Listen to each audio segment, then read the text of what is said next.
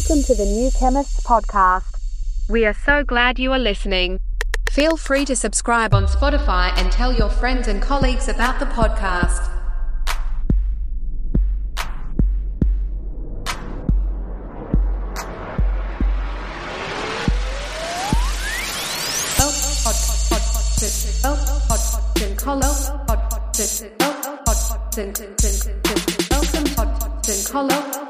Welcome podcast.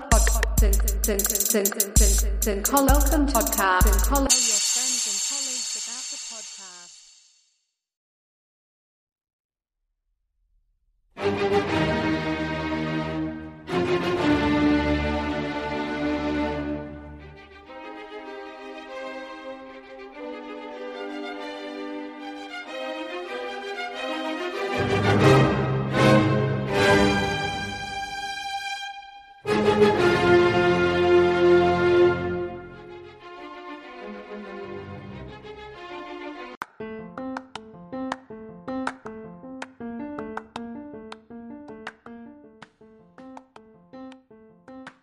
Welcome to the New Chemist Podcast.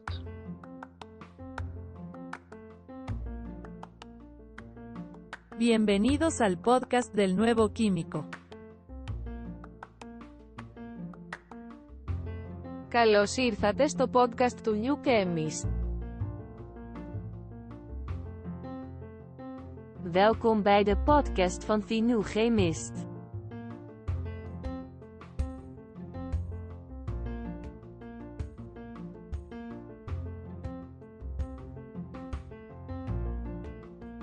Bienvenue sur le podcast du nouveau chimiste.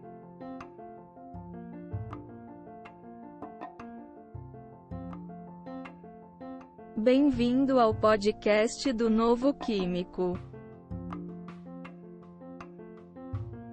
Welcome to the New Chemist Podcast.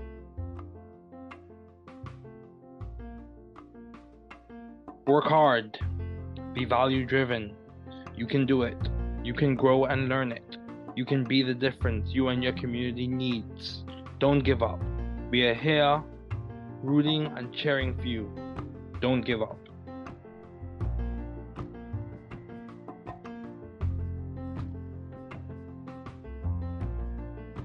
Travaillez dur. Soyez axé sur la valeur. Tu peux le faire. Vous pouvez grandir et l'apprendre. Vous pouvez être la différence dont vous et votre communauté avez besoin. N'abandonnez pas. Nous sommes ici pour vous encourager et vous encourager. N'abandonnez pas.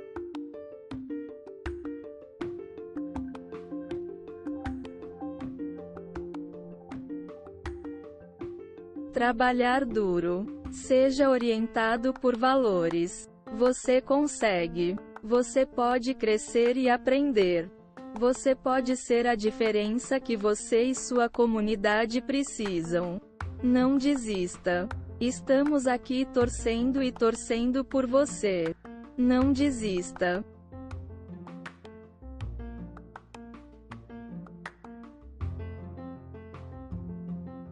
Δούλεψε σκληρά. Να οδηγείτε στην αξία. Μπορείς να το κάνεις. Μπορείτε να μεγαλώσετε και να το μάθετε. Μπορείτε να είστε η διαφορά που χρειάζεστε εσείς και η κοινότητά σας. Μην τα παρατάς. Είμαστε εδώ για να σας ζητοκραυγάσουμε. Μην τα παρατάς.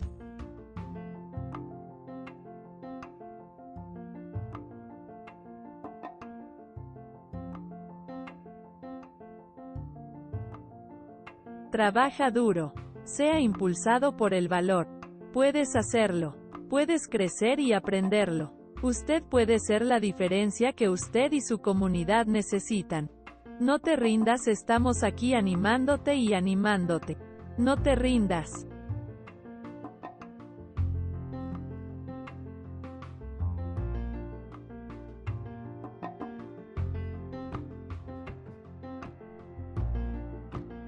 Werk hard. Wees waardegedreven. Je kunt het. Je kunt groeien en leren. U kunt het verschil zijn dat u en uw gemeenschap nodig hebben.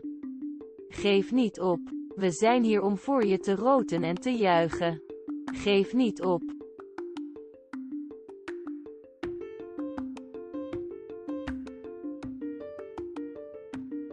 Work hard. Be value driven. You can do it. You can grow and learn it. You can be the difference you and your community needs. Don't give up. We are here rooting and cheering for you. Don't give up.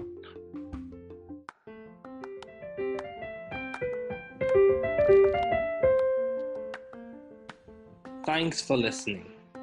We're glad you were able to tune into this podcast. Once again, this is The New Chemist, where we discuss chemistry, which simply put is the science of change, as well as the other sciences, careers, community, research, and COVID 19.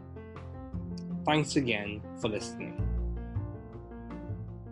Note the views on this podcast represent those of my guests and I.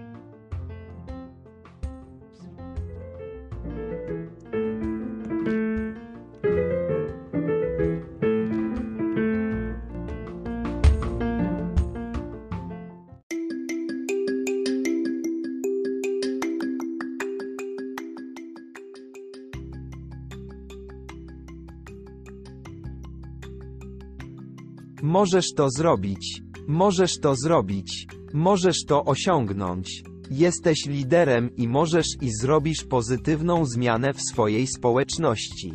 Nie poddawaj się, trzymamy kciuki i kibicujemy.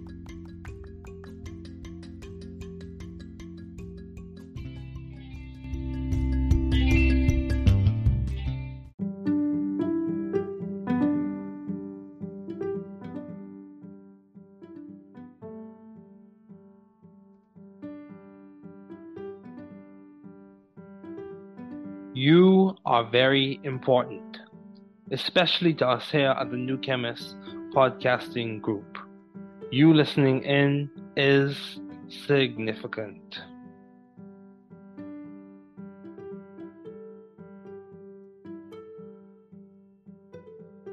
Vous êtes très important, surtout pour nous ici au New Chemist Podcasting Group. Votre écoute est significative.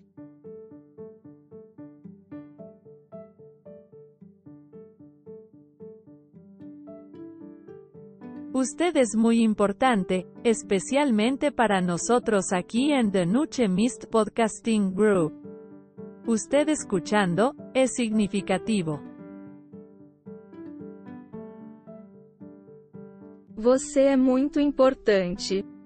Especialmente para nós do The New Chemist Podcasting Group. Você ouvindo é significativo.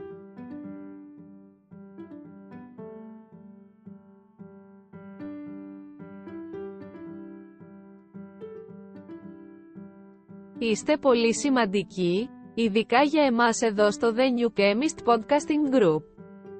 Το να ακούς είναι σημαντικό.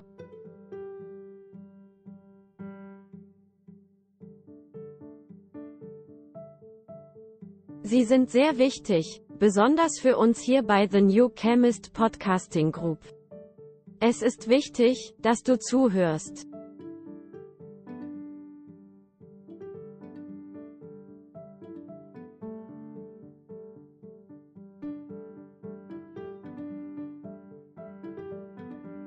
Je bent erg belangrijk, vooral voor ons hier bij New Chemist Podcasting Group. Dat je meeluistert, is veelbetekenend. You are very important, especially to us here at the New Chemist Podcasting Group. You listening in is significant.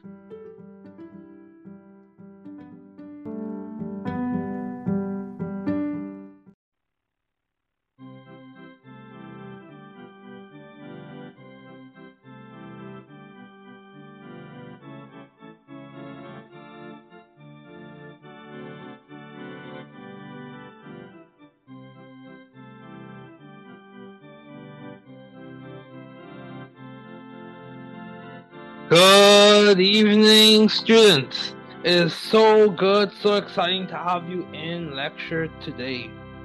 It's definitely a privilege, an honor, it is a treat. Just want to remind everyone you are not alone. This is an academic community. Remember to get help from university services if needed. Never give up. Never give up. Keep trying. We're here to help you be intelligent, successful, and responsible scientists. However, at the end of the day, you must be responsible, intelligent, and hardworking. I want to remind you don't give up. It may be challenging, it may be hard.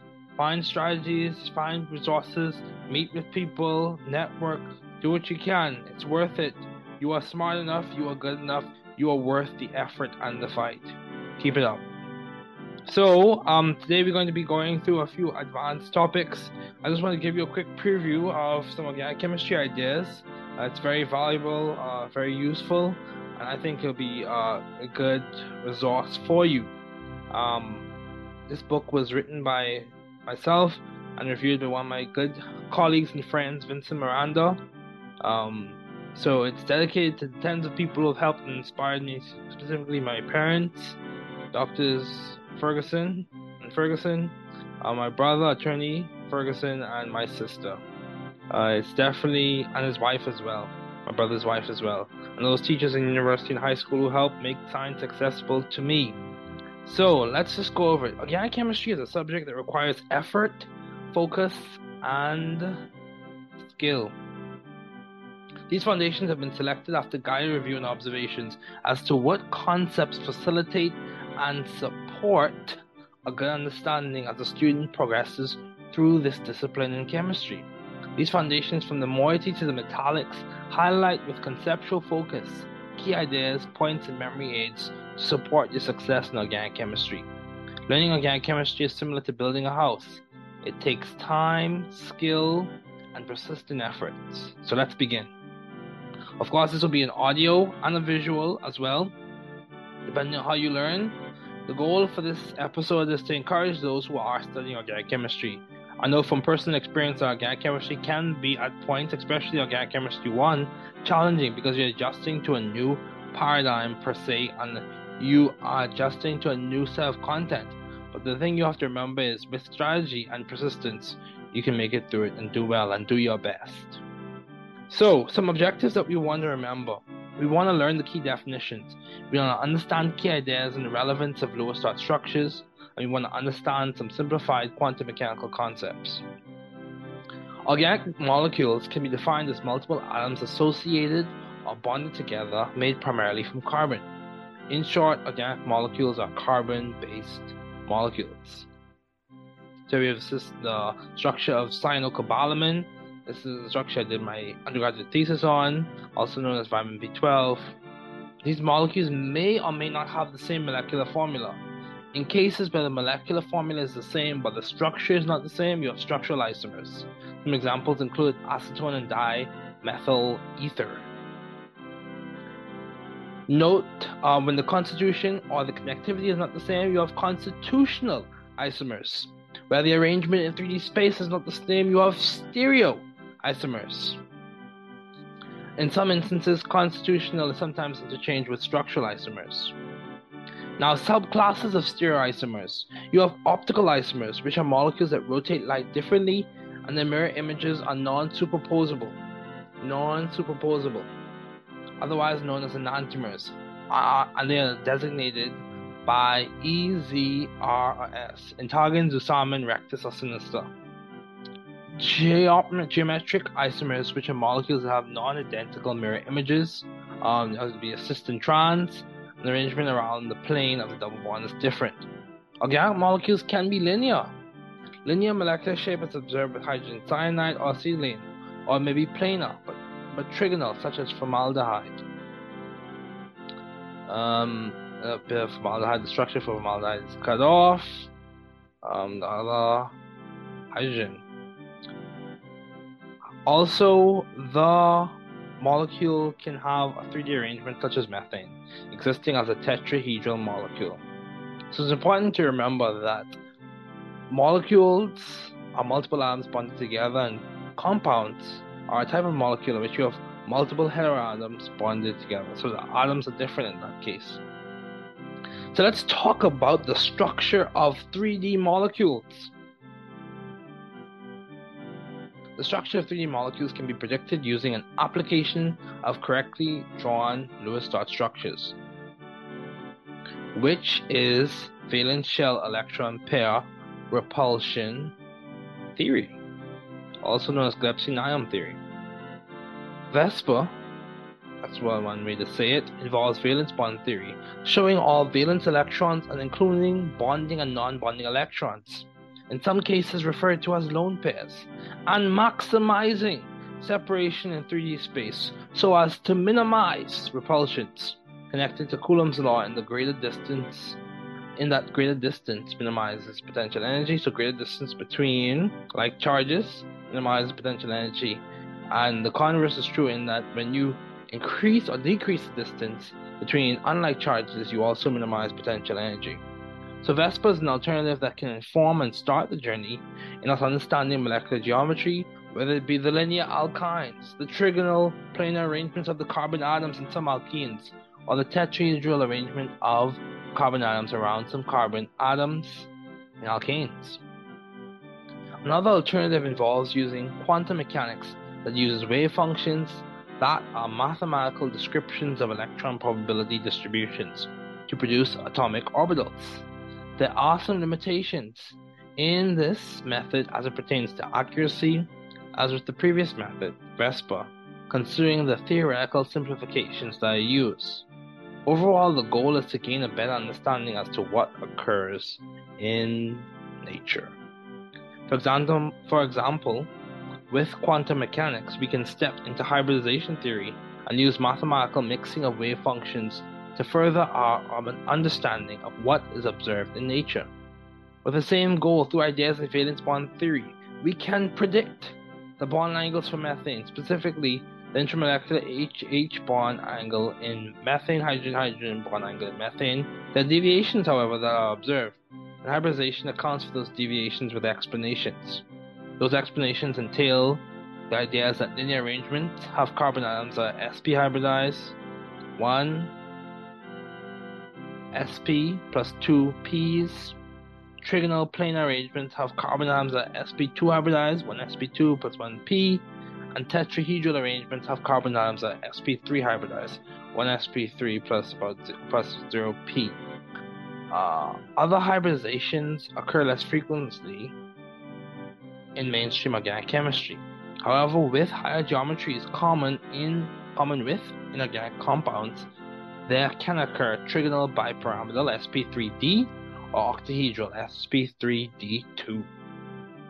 So note, quantum mechanics also involves the use of molecular orbital theory to understand other interactions, but that will be discussed later. With the same focus, quantum mechanics also enables chemists to speak on regional electron densities. Um, also, it's important to know that double bonds possess a sigma bond and a pi bond, and triple bonds have one sigma, two pi. So, some questions you want to think about. What is organic chemistry and what is the historical origin of it? What is one class of organic compounds? What are three different types of isomers? Explain the valence bond theory in general simple terms. What is one molecular example where valence bond theory does not accurately explain what occurs in molecules? What are the hybridization of carbon atoms in acetonitrile? What are the designations of sigma and pi for the bonds in acetonitrile? So let's keep going. We're going to have a quick break and then we're going to continue talking about functional groups and other ideas.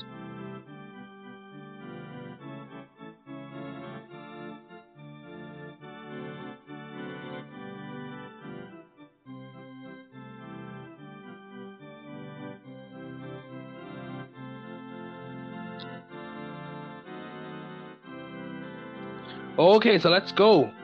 Functional groups and other ideas. So you want to understand what is a functional group, understand the key format for organic nomenclature, and understand the role of intermolecular forces. Functional groups are characteristic parts of molecules that convey specific chemical properties to the molecules that possess them. Functional groups do numerous things, but mainly they enable us to compartmentalize information about molecules, compounds, and reactions. Functional groups do give us insight into chemical interactions, such as intermolecular interactions, as well as give us more information in understanding the properties of molecules. This includes the physical properties, boiling points and melting points, and solubilities. Considering the usefulness of functional groups, they also possess a characteristic molecular fingerprint that is detected in many ways, namely in spectra, so IR spectra, which really gives you a fingerprint as to the functional groups within a molecule, and that'll be discussed later. So, case in point, we have an example of phenol right there. So, we have types of molecules and their properties. There are several types of molecules in the world. However, in the discipline of organic chemistry, there are specific molecules that are discussed frequently, including these. You have your alkanes. Alkanes, otherwise known as paraffins, are saturated hydrocarbons and aliphatic compounds. These molecules form a series of homologs with a repeating methylene unit and with the general formula CnH2n plus 2 and ending with the suffix ane. For example, in increasing order from 1 to 5, we have methane CH4, ethane C2H6, propane C3H8, butane C4H9, pentane C5H12. The following prefixes are hex for 6 carbons, hept for 7 carbons, oct for 8 carbons, non for 9 carbons, dec for 10 carbons. These prefixes from meth to dec are applicable throughout the naming of organic compounds, alkanes, alkenes, alkynes, alcohols, alcohols, etc. And there uh, are lots of ways you can code this information, even when it comes to heterocycles, whether it be ir, et, ir, et, ep, dash, ep, ir, et, ep, dash ep. So there are lots of ways you can code the information for different heterocycles. We can discuss that uh, chunking on that mnemonic later.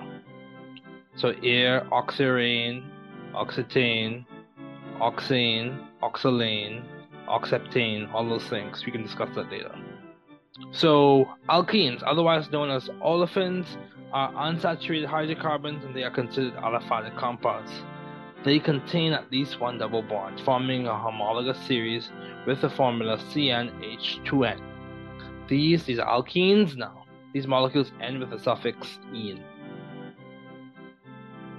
So alkynes, otherwise known as acetylenes, are unsaturated compounds having a triple bond.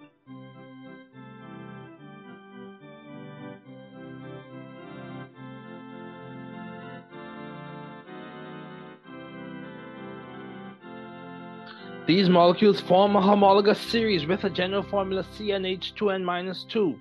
These molecules end with the suffix "-ine". There are several other molecules that form a homologous series within their groups, including carboxylic acids and aldehydes. You also have alcohols. Alcohols whose main functional group for identification is the hydroxyl group. It is notably priority in nomenclature practice. Exceptions include carboxylic acids according to the IUPAC. Alcohols contain one or more hydroxyls forming a homologous series, CnH2n plus 1 OH. Alcohols are aliphatic and typically end with the suffix "-ol". So let's talk about intermolecular forces and other properties. With functional groups comes certain properties such as specific boiling points and melting points as well as critical temperatures. The temperature around which a vapor is not easily uh, does not easily undergo a phase change to a liquid, and many other physical properties. However, beneath the surface of physical properties are the chemical features or interactions known as intermolecular forces, which influence and enable comparative predictions and physical properties. Namely, there are key forces to remember. You have your dipole dipole forces. These are forces which occur between molecules, intermolecular, with a dipole moment or a significant dielectric constant. These molecules are otherwise known as polar. These intermolecular forces, IMFs, are relatively strong. A relatively stronger version of this is the H bond or hydrogen bond intermolecular force. So you have your hydrogen bonding. It is a stronger force, sometimes referred to as a strong dipole dipole force. This is a relatively strong, some consider it the strongest, of the IMFs. It occurs in water and other molecules with hydrogen bonds to nitrogen, oxygen, and fluorine. Then you have your ion dipole. This occurs between ions and polar molecules, for example, with solvation of sodium chloride crystals in water. Then you have London dispersion forces. London dispersion forces occur in all molecules and are based off of the Coulombic interactions between transient, in essence temporary, dipoles. These electrostatic forces result in transient interactions between molecules. Then you have van der Waals forces. Now, a weak force that consists of two kinds, including the van der Waals force, which is discussed in short, is where um, more elaboration can be found in other texts, in other episodes. It is worth noting that IMFs and their strengths are based off of functional groups, chemical structure, and the types of chemical bonding in those molecules, so intramolecular bonding. So, what's inside influences what occurs on the outside. Composition influencing function. Anyway, chemical bonding, you have polar covalent bonding. Covalent bonding occurs between atoms with significant electronegativity differences. So, this is polar covalent bonding. Specifically, this bonding occurs with heteroatoms, which refers to different non metal atoms. So, different non metal atoms. Many times, the Pauling scale is used as a reference for ranges to determine the type of bonding arrangement occurring between atoms.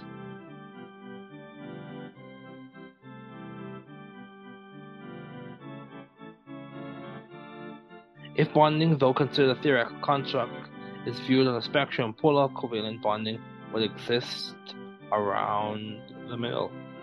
Then we have covalent bonding. This is so non-polar covalent bonding. This is almost at the other another end of the bonding spectrum, where there is less significant difference in electronegativity. So then you have ionic bonding. This is at the other end of the bonding spectrum. This occurs between metals and non-metals. For example, in sodium chloride, there's a large difference in electronegativity.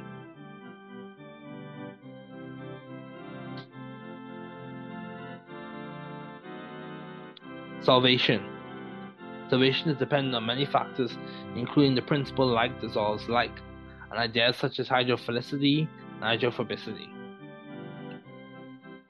Hydrophilicity and hydrophobicity. These terms refer to the molecule's stance in relation to water, whether it has a significant affinity for water, hydrophilic, water loving, or less significant affinity for water, hydrophobic, water hating. The tendency of molecules is as follows. Polar and ionic compounds tend to be hydrophilic compared to covalent and nonpolar compounds which tend to be hydrophobic. Nomenclature, according to the IUPAC, is based off of four main parts prefix, locant, parent chain, suffix. The prefixes normally denotes the number of each substituent or functional group attachments. Prefixes include di, tri, tetra. The locant, which is the number that describes the functional group attachment or the substituent's position. The parent chain. This is normally the longest continuous chain in the molecule. The suffix. This is based off the presiding or prioritized functional group, chain, or bonding arrangement, single, double, or triple. Suffixes are typically classical in ending, with ane referring to alkanes, ene referring to alkenes, ine referring to alkynes, amine, amines, amide, amides, oic, carboxylic acid, 8 esters, own, ketones, dehyde, aldehydes. Key facts to note the alcohol's functional group hydroxyl is normally prioritized overall. Substituents are transcribed or outlined in the name based on the relative alphabetical order, so ethyl before methyl, and that pattern continues. So, key overall idea, and I'll repeat this twice prefix, locant, parent chain, suffix. Prefix, locant, parent chain, suffix. Prefix, locant, parent chain, suffix, generally. So you can look up further ideas about IUPAC nomenclature in other texts. So some questions to consider. What is a functional group? And name several examples of functional groups. What are three types of organic molecules? What is an intermolecular force? Explain dipole-dipole forces. What is one molecular example where intermolecular forces explain a physical property such as boiling point?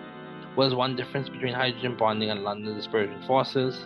Explain the overall process of naming simple organic compounds. So if you want, so just an aside, quick aside, you want more information into heterocycles, there's a phenomenal chemist, his name is Dr. Byron. He has lots of resources out there for heterocycles. But feel free to look into that. Very good resource, very brilliant chemist. So let's keep going. Concept development three structures, conformations, and projections. So one things we want to do, and and also just remember this episode is primarily dedicated to those in general chemistry as well as those who are in organic chemistry, with the thrust that we want to encourage and help each other as we go along in our scientific careers. So objectives Understand and be able to draw Lewis electron dot structures, condensed structures, and bond-line structures. Understand and be able to draw different conformations, primarily those of cyclohexane.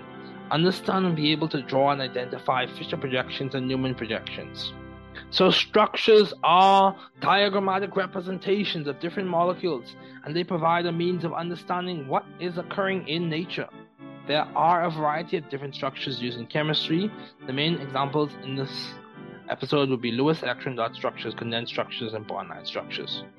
So Lewis dot structures, named after your boy Gilbert N. Lewis, a brilliant scientist. They are built on some key ideas such as the arms valency and the octet rule. There are specific exceptions for period 3 with sulfur and arsenic, for example, and beyond. Valency. Valency refers to the amount of electrons an atom will lose, many times resulting in a positively charged ion cation. Gain many times resulting in a negatively charged ion, anion, or shell, typically occurring in covalent molecules, in order to have a stable noble gas configuration. Ground of course. Valency can be determined using the periodic table. The group number, the vertical column numbers for main group elements, typically in the periodic table, is designated the valency. The valency corresponds normally with charge, oxidation number, and its subsequent sign is dependent on the type of atom, its reactivity, and what it is reacting with. So, key points to note valency can be shown quickly using Lewis dot structures and orbital arrangements, can be explained simply. Um, in some ways, with the Bohr model. The octet rule now. The octet rule is a principle with applications in resonance theory, simple chemical mechanisms, and reactions.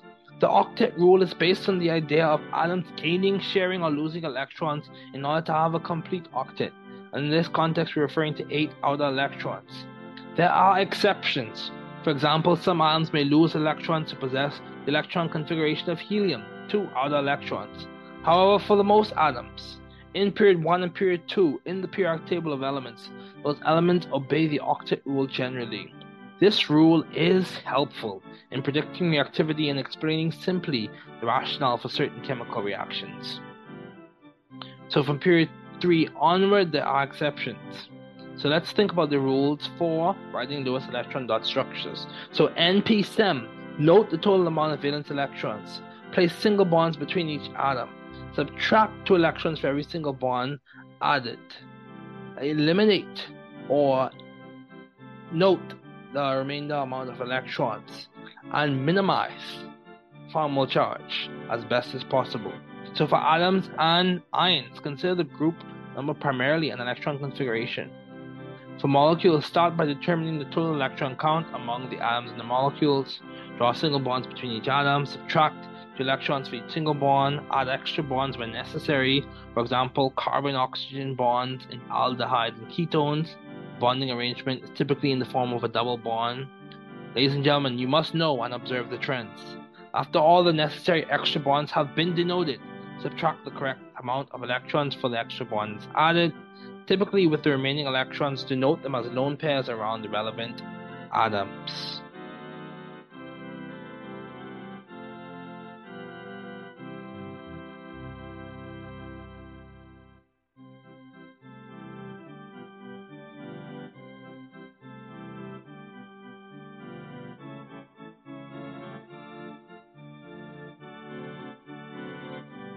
So let's keep going. Condensed structures.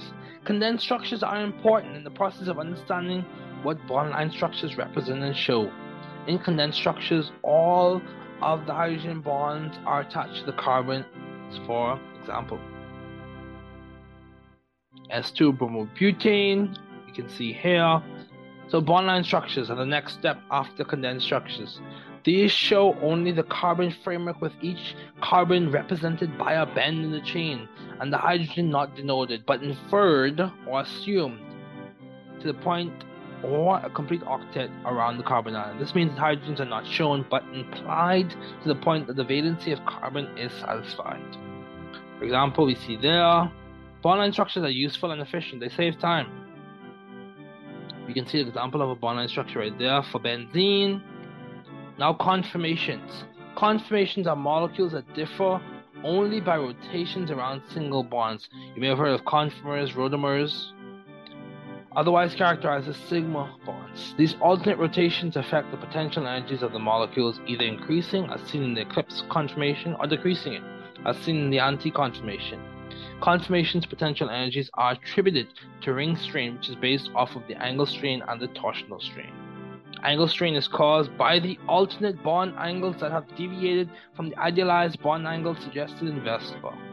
Torsional strain is caused by repulsion due to the dispersion forces, an intermolecular force, and this can cause steric hindrances. So as you progress further in your career in science, you'll hear the two whistling, whistling concepts, two echoing concepts in the halls of organic chemistry. You have sterics and electronics.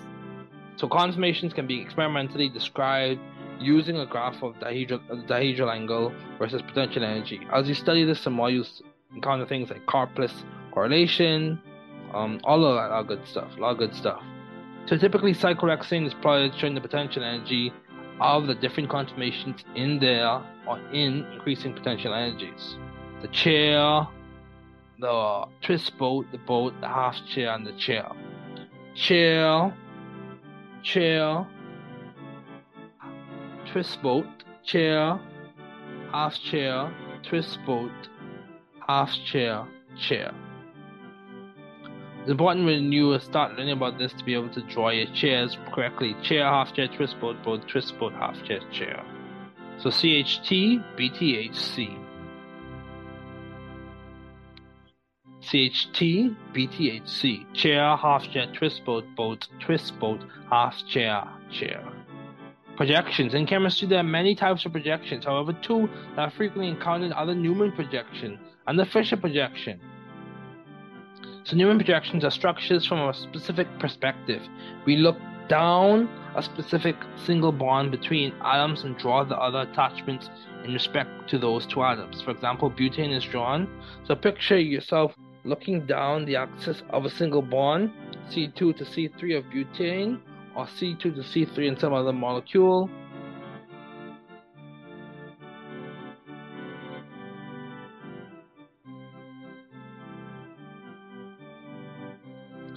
Order to draw the Newman projection. Here we see an example of Newman projection. Then you have your Fischer projections. These are typically seen with your carbohydrates and your hexoses and all those other good stuff. They involve another representation from a different perspective. The molecule is drawn from top to bottom, normally with anomeric carbon at a designated end. Generally, the functional group attachments are on the sides, which are seen as wedges that are out of the plane of the paper, and the top and bottom of projection is seen as groups on the dashed. Another bond designation uses a squiggly line, which represents a single bond out and behind the plane of the paper. So the projection is typically used with carbohydrates, especially simple carbohydrates.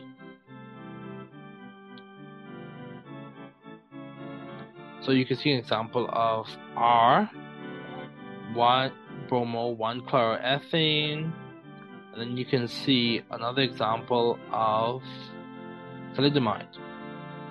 Classic molecule as is also discussed when we dis- when we introduced the key ideas associated with stereochemistry and how important it is even when it comes to medicines and their use and effects in the human body. So let's talk about some questions. What is the Lewis electron dot structure of oxygen? What are the key ideas for drawing Lewis electron dot structures? Explain the concept of valency. Explain the octet rule. What is one exception to the octet rule? Draw the bond line structure of antizine. Explain the overall order of stability for cyclohexane conformations. Remember, we go chair, half chair, twist boat, chair, half chair, twist boat, boat, twist boat, half chair, chair. Chair, half chair, twist boat, boat, twist boat, half chair, chair. CHTB THC. CHTB THC. For those who need to know that. Okay, so let's talk about chirality and isomerism. You want to know key definitions. Definitions of words such as isomer, chiral, and conformers. Understand the concepts of stereoisomerism, chirality.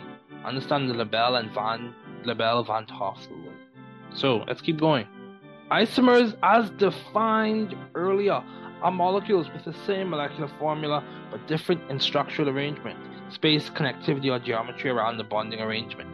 All those differences aforementioned define a subclass of isomers, be it structural, so structural isomers, arrangement in space, stereoisomers, or connectivity, constitutional isomers. Each subclass has its own significance. Stereoisomers or spatial isomers are molecules with the same molecular formula but different three dimensional spatial arrangements.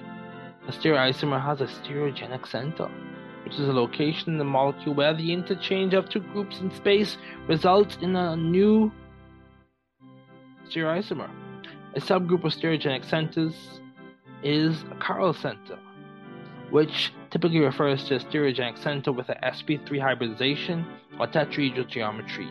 Every chiral center is a stereogenic center, but not every stereogenic center is a chiral center. Stereoisomers can be further divided into other categories such as enantiomers, non-superposable mirror images, diastereomers, non-identical mirror images, isomers, isomers as a result of restrictions in bond notations. Um, so enantiomers, enantiomers are optical isomers. These optical isomers are molecules that are non-superposable.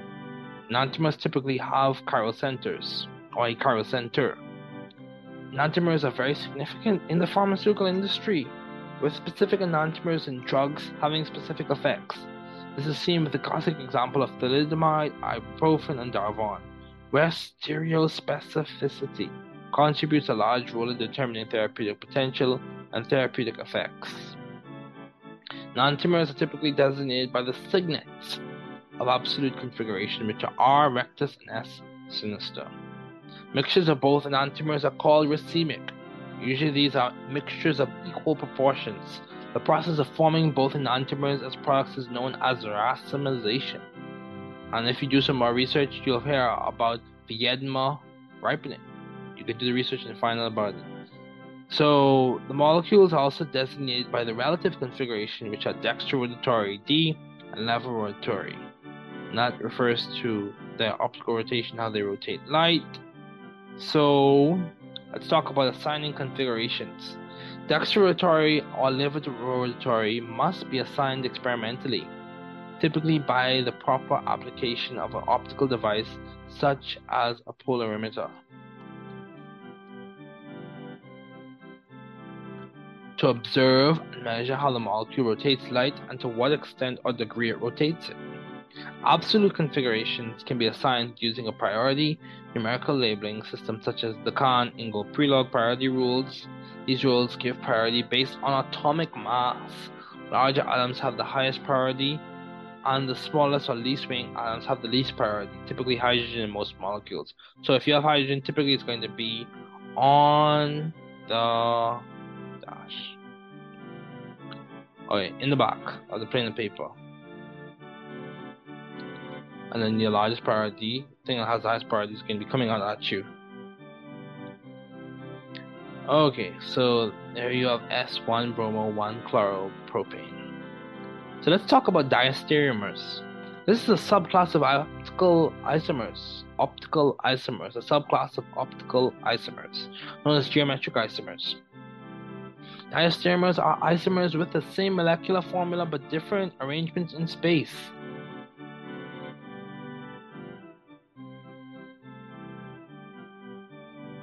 That results in non-identical mirror images.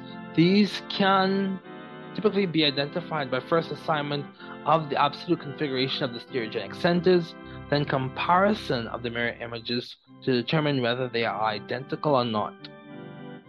So that's a suggested way you can do it. Subclass of diastereomers are cis-trans isomers and conformers, which can further be divided into rotamers. So you have your easy isomerism and your cis-trans isomerism. As dexteratory and level rotatory is relative assignment for stereochemistry, so is cis and trans. Cis and trans isomerism allows for the denoting of the spatial arrangements based on like groups, for example, trans 1,2-dichloroethene or cis 1,2-dichloroethene. This relative system, cis or trans, can become obscure very quickly.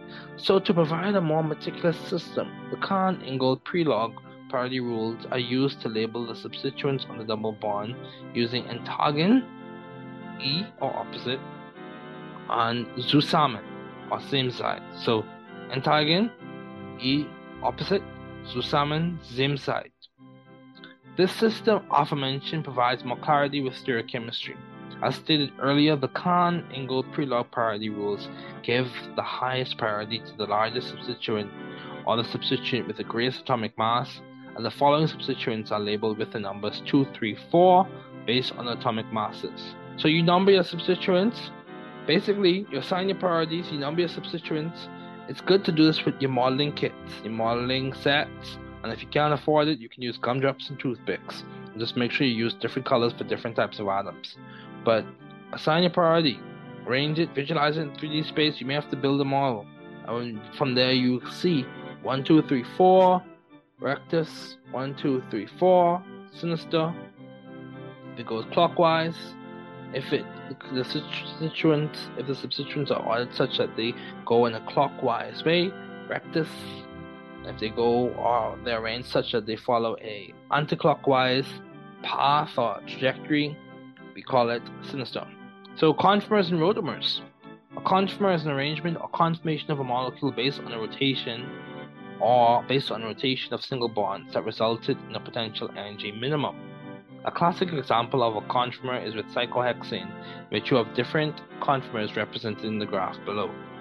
A rotamer is just a conformation of a molecule that results from another rotation of a molecule's single bonds. And you have the anomers, Automers an isomer formed due to the geometric variation found in certain atoms in specific molecules. Anomers are typically seen and described in carbohydrates where designation of alpha or beta is used. Alpha D glucopyranose, beta D glucopyranose. And you have the epimers. An epimer, normally found in diastereomeric pairs, is a stereoisomer that differs in configuration at any point in the molecule where changing the position of the two substituents results in the formation of a new stereoisomer. Basically, an epimer is an isomer that differs in configuration at any stereogenic center. So Libelle van 't Hoff rule. If there are n stereogenic centers with four different substituents attached, there are two to the n different stereoisomers possible. So if you have n stereogenic centers, there are two to the n different stereoisomers possible. Okay, so some questions to think about. What is an isomer? What are the different types of isomers? Explain the concept of enantiomers. What is a racemate? And even further research, you can look into what is Viedma ripening. Then you can talk about, uh, or just look into what is a diastereoisomer. What are two club classes of diastereoisomers? And then we can talk about explaining the Kahn Ingold Prelog parity rules for designating absolute configuration. So let's keep going. Nucleophilicity and electrophilicity. In it for the long run. Learn the definition of nucleophilicity and electrophilicity. Understand the trends with nucleophilicity and basicity or electrophilicity and acidity. So we want to understand those things. Those are our objectives for this reading. Nucleophilicity is a kinetic concept that describes the affinity of an atom or molecule for the nucleus of another atom which is positively charged with the intended meaning of nucleus loving. So, nucleophilicity, nucleus loving. This term is very important for understanding reactions and their mechanisms. Nucleophilicity refers to how willing, to what degree, or at what rate is an atom or molecule donating its electron density to another atom or molecule. The degree of nucleophilicity is defined by the rate of the reaction, specifically the rate of electron density donation. Generally, nucleophilicity, when comparing a similar atom in multiple molecules, uh, follows Lewis basicity some contexts. Um, also, when a nucleophilic atom is different, there may be no relationship between nucleophilicity and basicity. So that's something to note. If the nucleophilic atom is different, there may be no relationship that you observe. Um, since dipole moments for each atom or molecule may be different, thus affecting polarizability, which is a large determining factor in nucleophilicity. So polarizability of the electron cloud is a large determining factor in nucleophilicity. So it's very important to understand it. It's grounded in Coulombic is grounded in Coulombic forces. It can result in the formation or breaking of bonds as seen in the infamous nucleophilic attack and nucleophilic substitution. Let's talk about electrophilicity. Electrophilicity is a kinetic concept. It involves a reaction in which there is an acceptance of an electron pair. An electrophile is defined as an electron pair acceptor or an atom or molecular part that is electron loving, electrophile. This term provides insight into mechanisms or reactions such as electrophilic aromatic substitution, electrophilic substitution, and electrophilic addition. Electrophilicity is it basically involves the measured degree or extent, genetically speaking, of how much an atom or molecule is willing to accept electron density from another atom or molecule. So, some questions to consider. What are some key ideas associated with the concept of nucleophilicity? What are some key trends with nucleophilicity? Explain the connection between Lewis basicity and nucleophilicity. What is the connection between Lewis acidity and electrophilicity? Explain the significance of PKB, some aspects of the concept of nucleophilicity. So let's talk about spectroscopy and some instrumentations. Spectroscopy involves the study of the interactions of electromagnetic radiation and matter. Spectroscopy has a key role in organic chemistry. It contributes to informing many processes, including retrosynthetic analyses, structure elucidation, and total synthesis. Spectroscopy and spectrometry are different. Spectroscopy refers to the study of the interaction of electromagnetic radiation and matter, while spectrometry refers to the measurements of the interaction of electromagnetic radiation and matter. So measurements versus just the study. You have UV spec. That's an example of a diagram. You light source going to your scanning monochromator. Uh, you have your motor that's spinning, it goes to sample cuvette, and you go to your detector, you amplify it, and then it's displayed. For your sample cuvette, you also have a reference cuvette as well. So UV vis spectroscopy is an analytical technique that involves the use of ultraviolet or visible light in order to analyze a sample in a cuvette. This technique can be used to quantify, detect, test, support, or support structure elucidation, and aids in determining molecular geometry and to study the kinetics of reactions. So when you think of UV spec, also think about Woodward-Hoffmann rules. One of the main ideas behind the use of UV spectrophotometers is the principle of absorbance. Um, you can look into Bayes' law and also you can look into so Bayes' law absorption is equal to epsilon molar absorptivity absorptivity constant um, B path length C concentration. Then you have atomic absorption spectroscopy. AAS, go from your light source to your sample to your detector to your computer. It has many uses involving clinical, geological, biological, metallurgical, atmospheric, and also in the pharmaceutical industry. Then you have your IR spec. Go from your Nernst glow, this is just a version of it, to the Michelson interferometer, to your sample, to your detector, to your computer. So IR can be used to detect the functional group moieties that exist in the sample, the relative location or proximity of the information, the relative location or proximity of functional groups.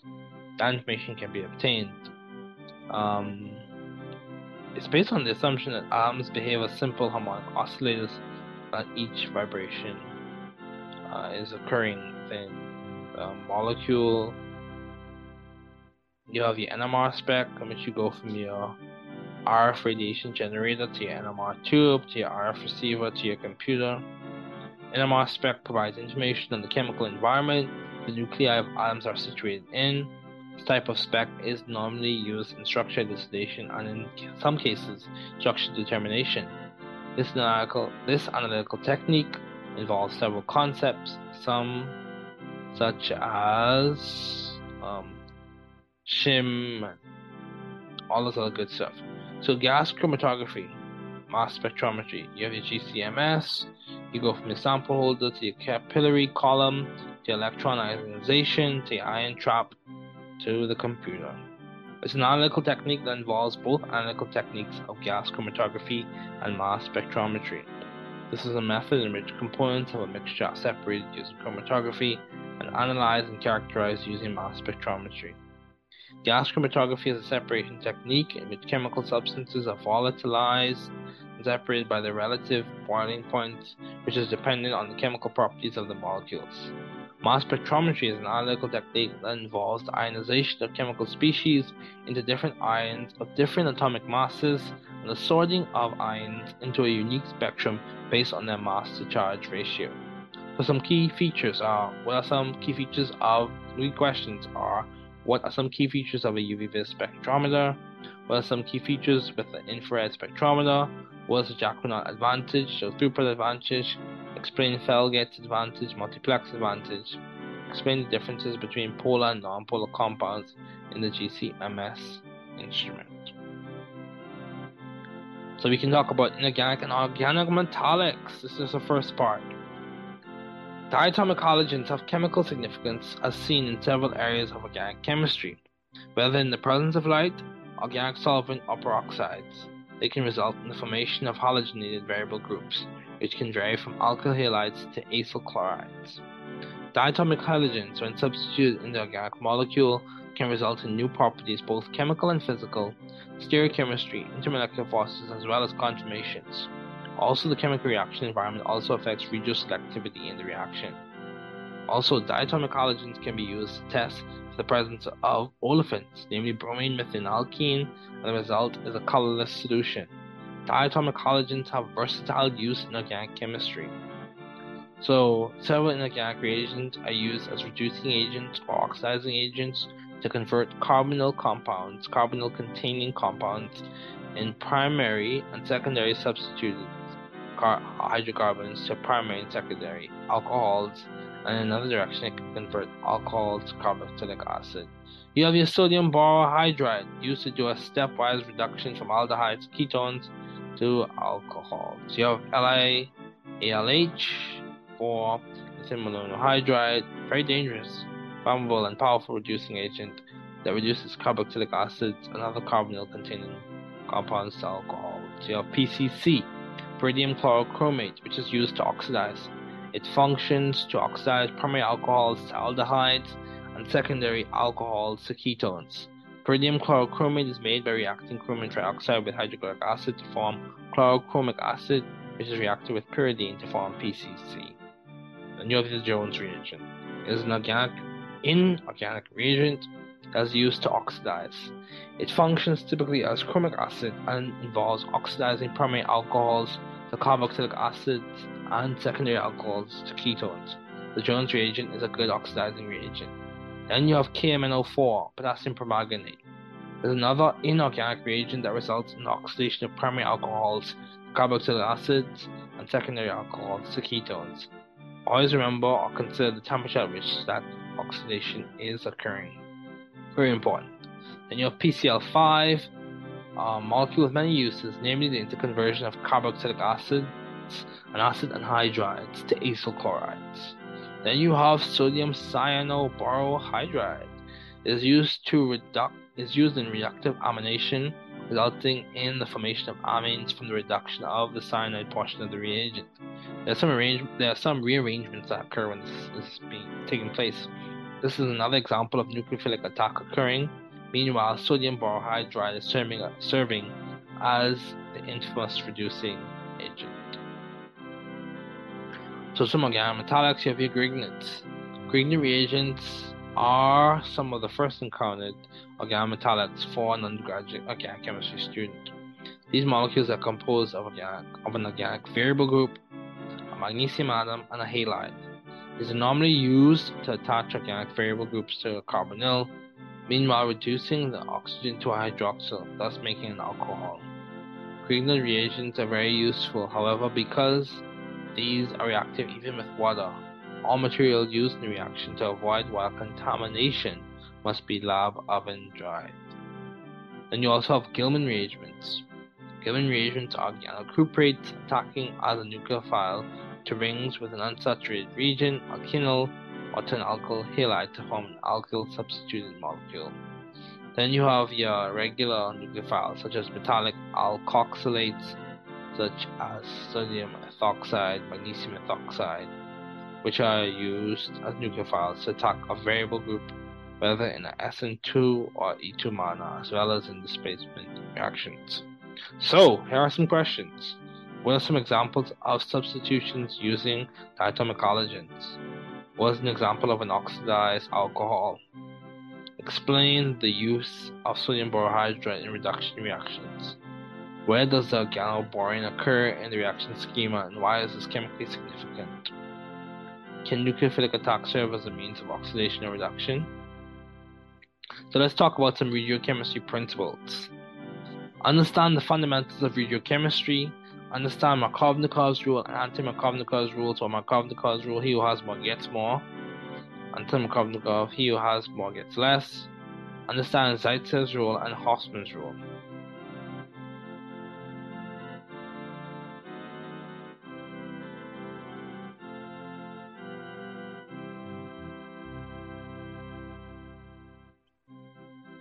Let's keep going. This will be the last section that we go through today. More to come later on. So regiochemical principles come from regiochemistry comes from the Latin word regionum, meaning direction. Regiochemistry provides and describes the principles involved in the directionality or position and placement of reactants to form the product. Regiochemistry is very important. As you progress, you'll hear about things being regiodivergent or regioselective. Reagents used can cause specific regiochemical result or result in the opposite of what would normally occur. So you have Markovnikov's rule. Put simply, he who has more gets more. Markovnikov's rule is in the addition of a halide to an unsymmetrical alkene, the hydrogen goes to the carbon with the greatest number of hydrogens, and the halide goes to the other carbon.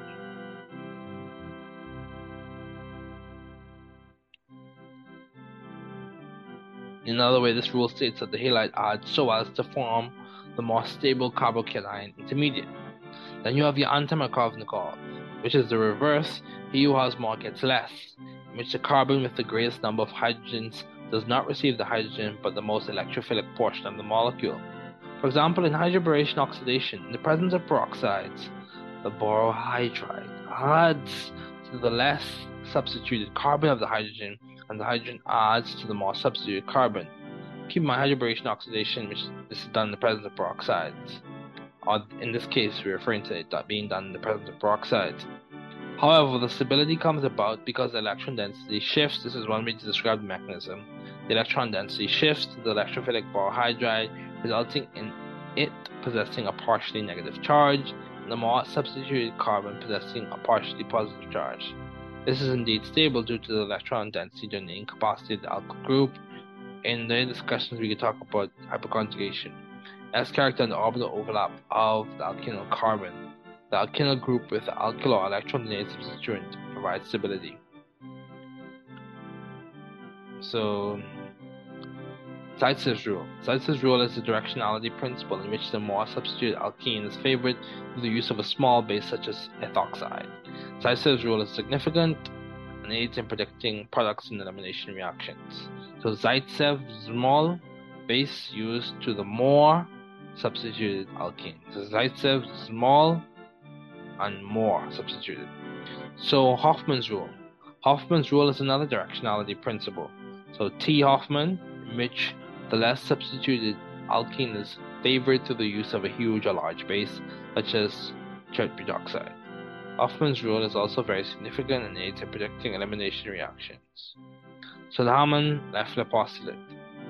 In simpler terms, it's basically the view on the potential energy hill continues in some ways as you follow through the potential energy journey, or the product resembles a molecular arrangement of the transition state, or the step of the RCD, the reaction coordinate diagram that's closest to the transition state in energy. Typically, the transition state will, will resemble that. So, what does the word regiochemistry mean?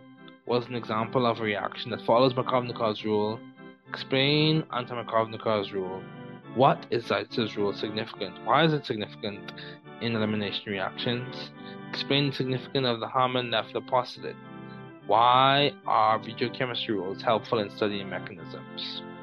So types of reactions. Let's just go through these. You have your addition, substitution, elimination, reduction, oxidation, and rearrangement.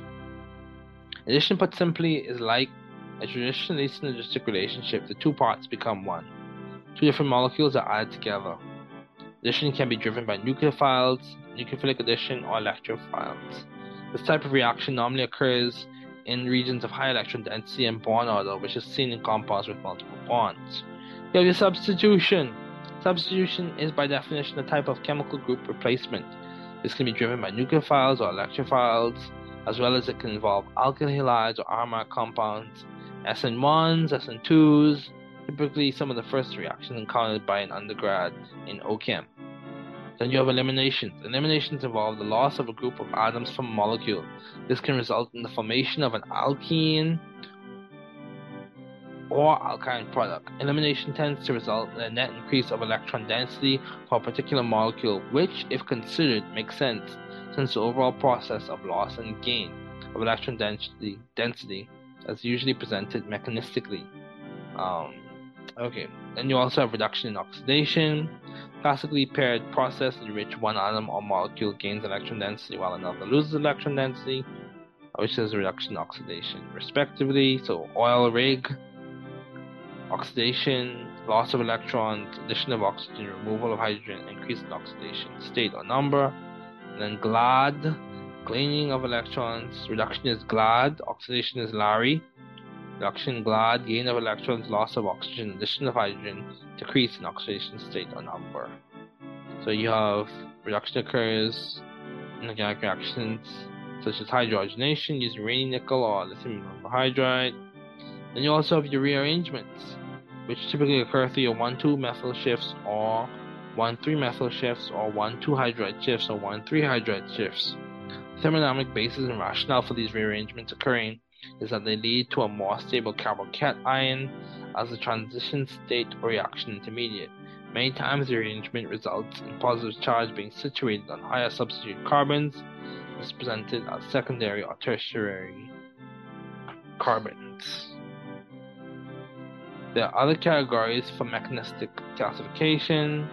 Polar under basic conditions. Example is a nucleophilic substitution under basic conditions. Polar under acidic conditions. An example is acid catalyzed hydration.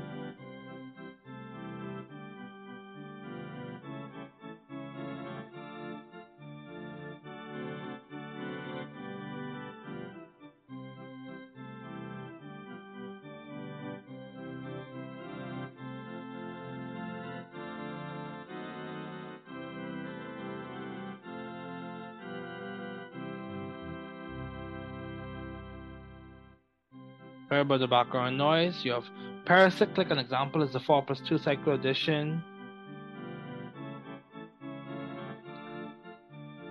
Deals all the reaction. The 4 plus 2 reaction refers to number of electrons, specifically pi electrons. And you can look into Huckel's rule, each atom. So cyclic planar, each atom sp2, and it must follow Huckel's rule, 4n plus 2 pi electrons. So if your free radical reactions, example is the free radical polymerization, metal mediated reactions. An example is the sodium metal mediated Birch reduction. So some questions as we conclude. What are the key features of a substitution? What are the key features of elimination reactions? Explain the significance of rearrangement in terms of stability. And why is it important to know these types of reactions listed in this concept development? So later on, we'll discuss different types of substitutions and different types of eliminations. But I want to remind everyone, you're not alone. In, we are all in this as a scientific community. Reach out to people if you need help. Get the help that you need. Strategize, plan, use the resources at your disposal. You can do it. People are rooting for you. Uh, keep up the good work. Glad to see that you're doing well. Hope everyone's doing well. Um, and this ends this episode of Lecture Chaos.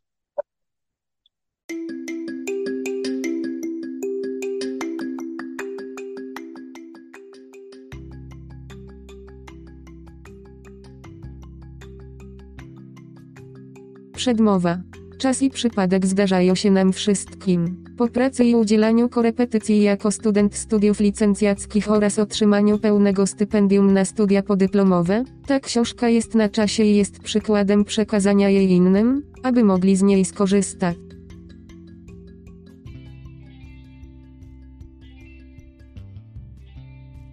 Rzeczywiście, jeśli jesteś na studiach i studiujesz chemię, ta książka stanowi okazję, aby pomóc Ci odnieść sukces jako dodatkowy przewodnik. Jeśli zdecydujesz się go użyć, zapamiętaj koncepcję, skorzystaj z podręcznika, który wkrótce się pojawi i użyj różnych metod zdrowego pozytywnego wzmocnienia. Celem pneumoniki obejmują naukę uproszczonych wersji pojęć, a nie ciężkich szczegółów technicznych, które w wielu przypadkach mają lub będą miały wyjątki. Prawdą jest, że powtarzanie i praktyka pomagają utrwalić koncepcje, których się uczysz. Możesz to zrobić. DJF. Biografia autorów. Davida Fergusona. David Ferguson jest świeżo upieczonym doktorantem, któremu niedawno przyznano pełne stypendium na studia chemiczne. Uczęszczał zarówno do Georgia Institute of Technology, jak i do Taylor University, który ukończył z wyróżnieniem. Był na liście dziekanów obu uczelni i otrzymał liczne stypendia na Georgia Tech i Taylor University. David Ferguson prowadził badania z dr C. Heinesem z Georgia Tech Research Institute oraz dr Danielem Kingiem i dr Capital Viishihulu z Taylor University. Aspiruje do pracy w środowisku akademickim oraz pomagania w nauczaniu i mentorowaniu przyszłego studenta nauk ścisłych po ukończeniu studiów podyplomowych. 2. Vincentego Mirandy Vincent Miranda jest starszym studentem medycyny na Uniwersytecie Taylora i pracuje nad tytułem Bachelor of Science w dziedzinie biochemii. Otrzymał najwybitniejszą nagrodę studencką w dziedzinie chemii organicznej, biochemii i chemii nieorganicznej na Uniwersytecie Taylora. Asystował także dr Danielowi Kaluce w badaniach licencjackich nad białkami chemu pasożyta malarii, Plasmodium falciparum. Vincent jest koszykarzem kolegialnym na Taylor University i zdobył miejsce w drużynie NAIA Districts 2 Academical Districts TM w 2020 roku. Po uzyskaniu tytułu licencjata Vincent chce uczęszczać do szkoły medycznej i zdobyć tytuł lekarza medycyny. Poświęcenie. Książkę tę dedykuję dziesiątkom osób, które mi pomogły i zainspirowały. W szczególności moi rodzice, mój brat, moja siostra i ci nauczyciele na uniwersytecie i w szkole średniej, którzy pomogli mi udostępnić naukę. Nowy chemik. Znak copyright. THE New Chemist Publications 242, DJF. Sekcja 1. Podwaliny. Chemia organiczna to przedmiot wymagający wysiłku, skupienia i umiejętności. Podstawy te zostały wybrane po przeglądzie z przewodnikiem i obserwacji, jakie koncepcje ułatwiają i wspierają dobre zrozumienie, gdy uczeń przechodzi przez tę dyscyplinę chemii. Te podstawy, od ugrupowań po metale, podkreślają koncentrację konceptualną, kluczowe idee, punkty i pomoce pamięciowe, aby wesprzeć Twój sukces w chemii organicznej. Nauka chemii organicznej jest podobna do budowy domu, wymaga czasu, umiejętności i wytrwałych wysiłków. Zaczynajmy. Rozwój koncepcji 1. Wstęp. Cele. Poznaj kluczowe definicje. Zrozum kluczowe idee i znaczenie struktur kropkowych Lewisa. Zrozum niektóre uproszczone koncepcje mechaniki kwantowej. Organiczne molekuły. Cząsteczki organiczne można zdefiniować jako wiele połączonych lub połączonych ze sobą atomów, wykonanych głównie z węgla. Krótko mówiąc, cząsteczki organiczne są cząsteczkami opartymi na węglu. Rycina 1.1 Ten obraz przedstawia strukturę linii wiązańcy janokobalaminy, znanej również jako witamina B12. Cząsteczki te mogą mieć ten sam wzór cząsteczkowy lub nie. W przypadkach, gdy wzór cząsteczkowy jest taki sam, ale struktura nie jest taka sama, izomery strukturalne. Niektóre przykłady obejmują aceton i eter dimetylowy. Rycina 1.2 Ten obraz przedstawia dwa strukturalne, konstytucyjne, izomery acetonu po lewej stronie i eteru dimetylowego po prawej stronie. Konstytucja lub łączność to nie to samo, izomery konstytucyjne. Zwróć uwagę, że wspomniane wcześniej izomery, konstytucyjne, są czasami zamieniane z terminem strukturalny. Układ w przestrzeni 3D nie jest taki sam, stereoizomery. Rycina 1.3 Ten obraz przedstawia parę enancjomerów, od lewej do prawej, S-1 bromo 1 chloroetan i R-1 bromo 1 chloro. Etan. Podklasy stereoizomerów. Izomery optyczne to cząsteczki, które obracają światło w różny sposób, a ich odbicia lustrzane są nienakładalne, inaczej znane jako enancjomery, zwykle oznaczane przez E, Z, R lub S. Izomery geometryczne, czyli cząsteczki, które mają nieidentyczne odbicia lustrzane, a ułożenie wokół płaszczyzny wiązania podwójnego jest inne, to jest cis lub trans. Cząsteczki organiczne mogą być liniowe. Liniowy kształt cząsteczki obserwuje się w HCN, cyjanowodorze, lub acetylenie, C2 godziny 2, lub może nadal być płaski, ale trygonalny, jak formaldehyd, który jest płaszczyzną trygonalną. Rycina 1.4 Ten rysunek przedstawia struktury linii wiązań, od lewej do prawej, cyjanowodoru, acetylenu i formaldehydu. Również cząsteczka może mieć układ 3D, taki jak metan, istniejący jako cząsteczka czworościenna. Rycina 1.5 Ten rysunek przedstawia struktury linii wiązań metanu i formaldehydu. Schematyczne wyjaśnienie cząsteczek i związków. Rycina 1.6 Ten rysunek przedstawia różnice i relacje między cząsteczkami i związkami. Struktura cząsteczek 3D. Strukturę trójwymiarowych 3D cząsteczek można przewidzieć za pomocą prawidłowo narysowanych struktur kropkowych Lewisa, co nazywa się teorią odpychania pary elektronów powłoki walencyjnej, VSEPR. VSEPR obejmuje teorię wiązań walencyjnych, pokazująco wszystkie elektrony walencyjne, w tym elektrony wiążące i niezwiązane, w niektórych przypadkach określane jako samotne pary, oraz maksymalizację separacji w przestrzeni 3D. Aby zminimalizować odpychanie, połączone z prawem Coulomba w tej większej odległości minimalizuje potencjał dystrybucji energii dla podobnych ładunków.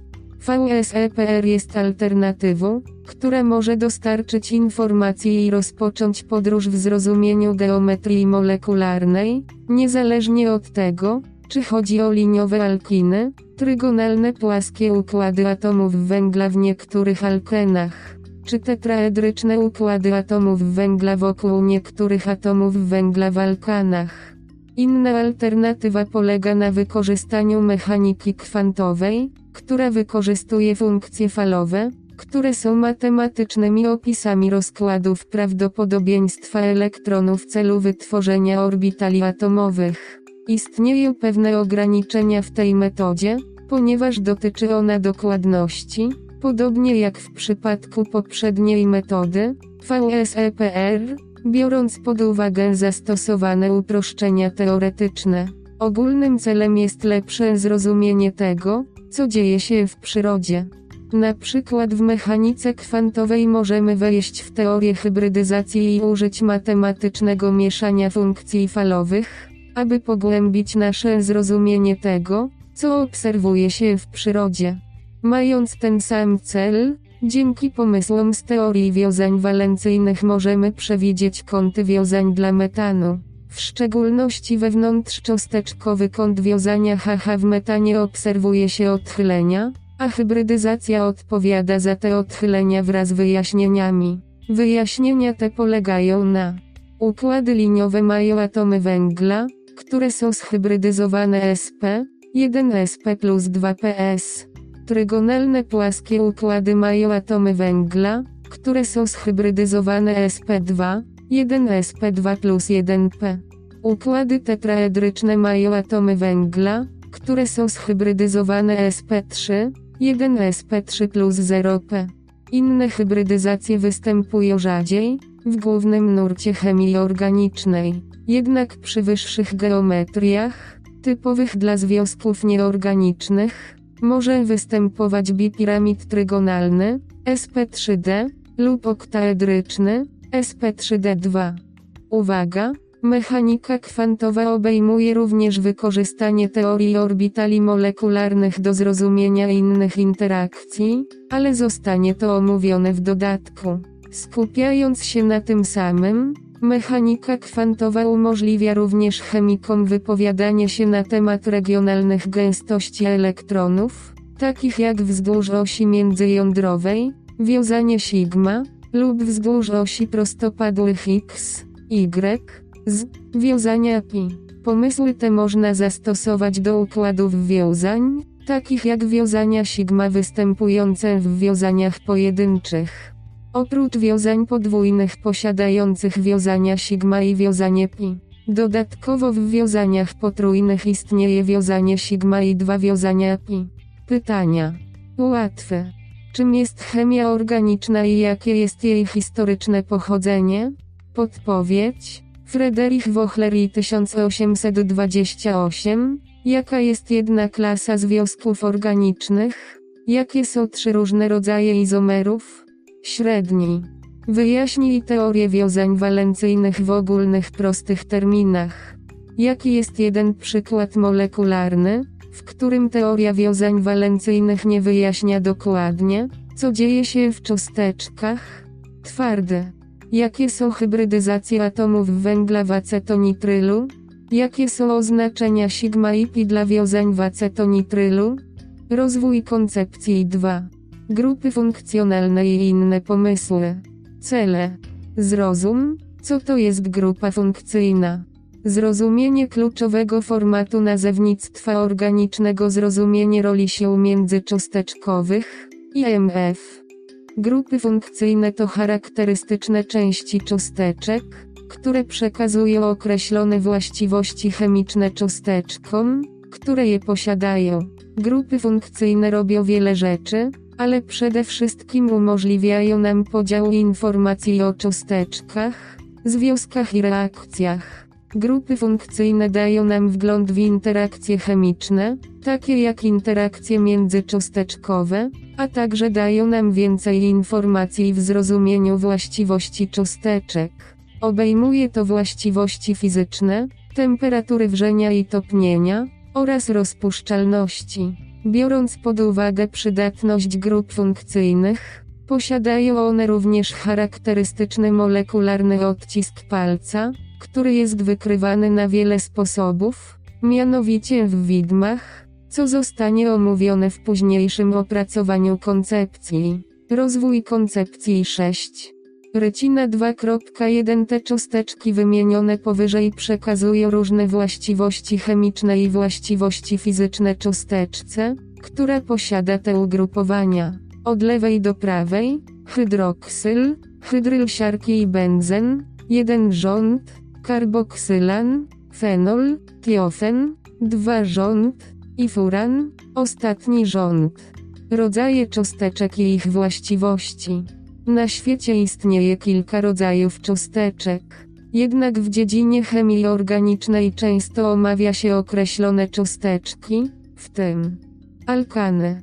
Alkany inaczej zwane parafinami to węglowodory nasycone i związki alifatyczne. Cząsteczki te tworzą szereg homologów z powtarzającą się jednostką metylenowo-centrum handlowe 2 oraz o wzorze ogólnym CNH2N2 oraz kończący się przyrostkiem ane. Na przykład w porządku rosnącym od 1 do 5. Metan centrum handlowe 4.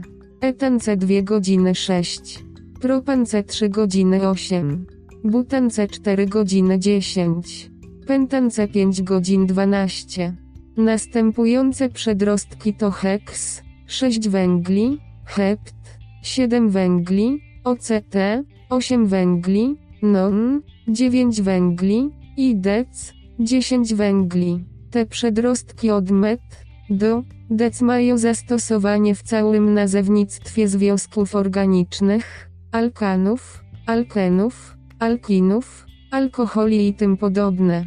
Alkeny, inaczej zwane olefinami są węglowodorami nienasyconymi i zaliczane są do związków alifatycznych. Zawierają co najmniej jedno wiązanie podwójne, tworząc szereg homologiczny o wzorze CNH2N.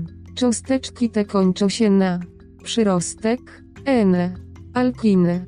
Alkiny inaczej zwane acetylenami to nienasycone związki posiadające wiązanie potrójne. Cząsteczki te tworzą szereg homologiczny o wzorze ogólnym CNH2N2. Cząsteczki te kończą się przyrostkiem YNE.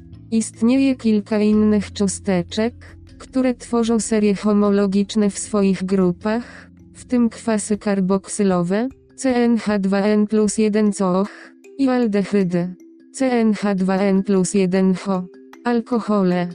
Alkohole, których główną grupą funkcyjną do identyfikacji jest grupa hydroksylowa, OH, jest to szczególnie priorytetowe w praktyce nazewnictwa. Wyjątki obejmują kwasy karboksylowe, zgodnie z IUPAC.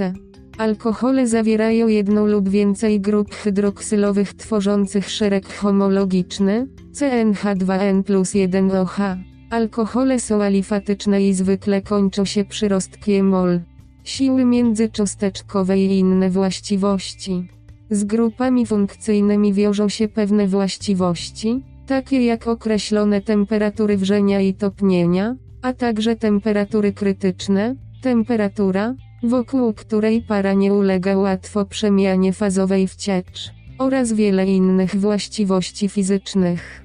Jednak pod powierzchnią właściwości fizycznych kryją się właściwości chemiczne lub interakcje znane jako siły międzycząsteczkowe, które wpływają i umożliwiają przewidywania porównawcze i właściwości fizyczne. Mianowicie istnieją kluczowe siły do zapamiętania. Siły dipolowo-dipolowe. Są to siły zachodzące pomiędzy cząsteczkami, międzycząsteczkowymi, z momentem dipolowym lub znaczną stałą dielektryczną. Cząsteczki te są inaczej znane jako polarne. Te siły międzycząsteczkowe, IMF, są stosunkowo silne. Stosunkowo silniejszą wersją tej siły jest siła międzycząsteczkowa wiązań wodorowych. Wiązanie wodorowe. Wiązanie wodorowe jest silniejszą siłą, czasami określaną jako silna siła dipol-dipol. Jest to stosunkowo silny, niektórzy uważają, że najsilniejszy, z MFW. Występuje w wodzie i innych cząsteczkach z wiązaniami wodorowymi z N, O lub F. Dipol jonowy. Dzieje się tak między jonami i cząsteczkami polarnymi, na przykład podczas solwatacji kryształów chlorku sodu w wodzie. Londyńskie siły dyspersyjne. Londyńskie siły dyspersyjne występują we wszystkich cząsteczkach i opierają się na oddziaływaniach kulombowskich między przejściowymi, w istocie tymczasowymi, dipolami. Te siły elektrostatyczne powodują przejściowe interakcje między cząsteczkami. Siły van der Waalsa.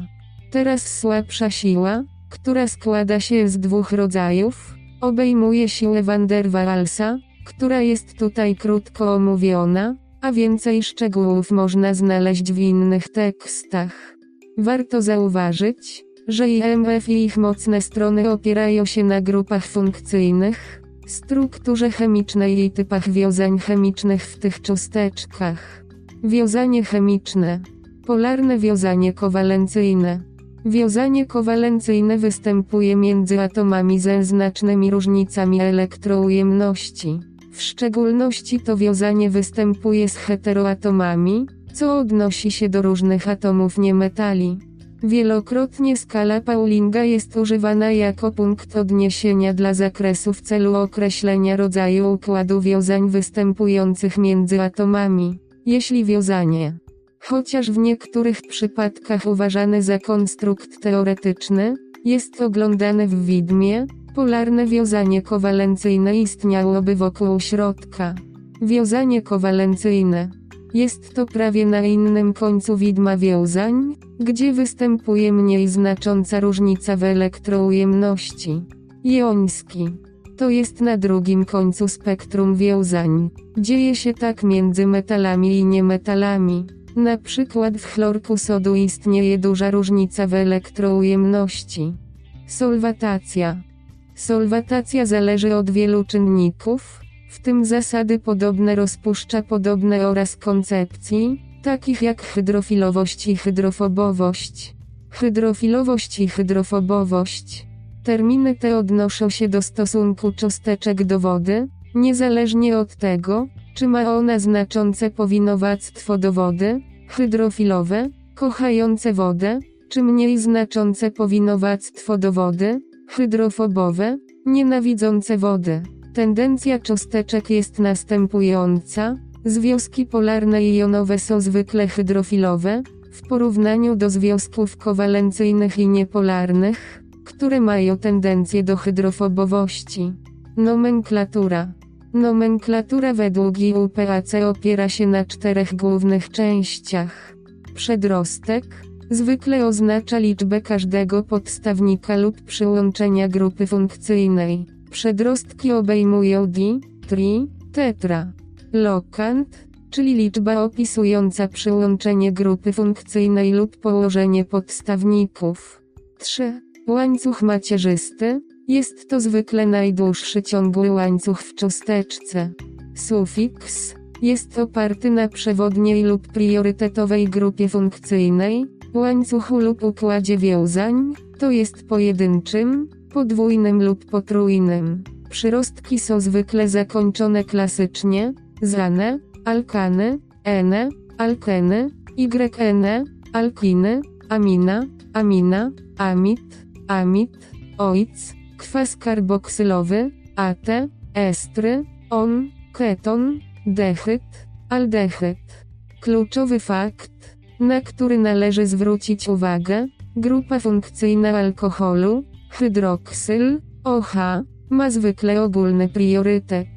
Podstawniki są transkrybowane lub przedstawione w nazwie w oparciu o względny porządek alfabetyczny, więc etyl przed metylem i ten wzór jest kontynuowany. Kluczowy ogólny pomysł, prefiks locant parenthain suffix, ogólnie. Wszelkie dalsze rozwinięcia zostaną omówione w dalszej części tekstu. Pytania. Łatwe.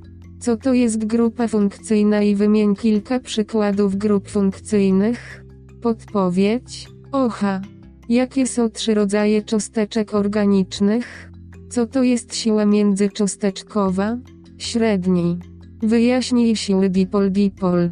Jaki jest jeden przykład molekularny, w którym siły międzycząsteczkowe wyjaśniają właściwość fizyczną, taką jak temperatura wrzenia? Twarde. Jaka jest jedna różnica między wiązaniami wodorowymi a siłami dyspersji Londynu? Wyjaśnij ogólny proces nazywania prostych związków organicznych. Koncepcji 3. Struktury, konformacje i projekcje. Cele. Zrozumieć i umieć narysować struktury kropek elektronowych Lewisa, struktury skondensowane i struktury linii wiązań. Zrozumieć i umieć narysować różne konformacje, głównie cykloheksanu. Rozumieć i umieć rysować i identyfikować projekcje Fischera i Neumanna. Struktury. Struktury są schematycznymi reprezentacjami różnych cząsteczek i umożliwiają zrozumienie tego, co dzieje się w przyrodzie. Istnieje wiele różnych struktur stosowanych w chemii. Głównymi przykładami w poniższej dyskusji będą struktury punktowe elektronów Lewisa, struktury skondensowane i struktury linii wiązań, struktury kropek elektronowych Lewisa. Struktury kropek Lewisa są zbudowane na kilku kluczowych ideach, takich jak wartościowość atomu i reguła oktetu. Istnieją również szczególne wyjątki dla okresu 3 i później. Wartościowość.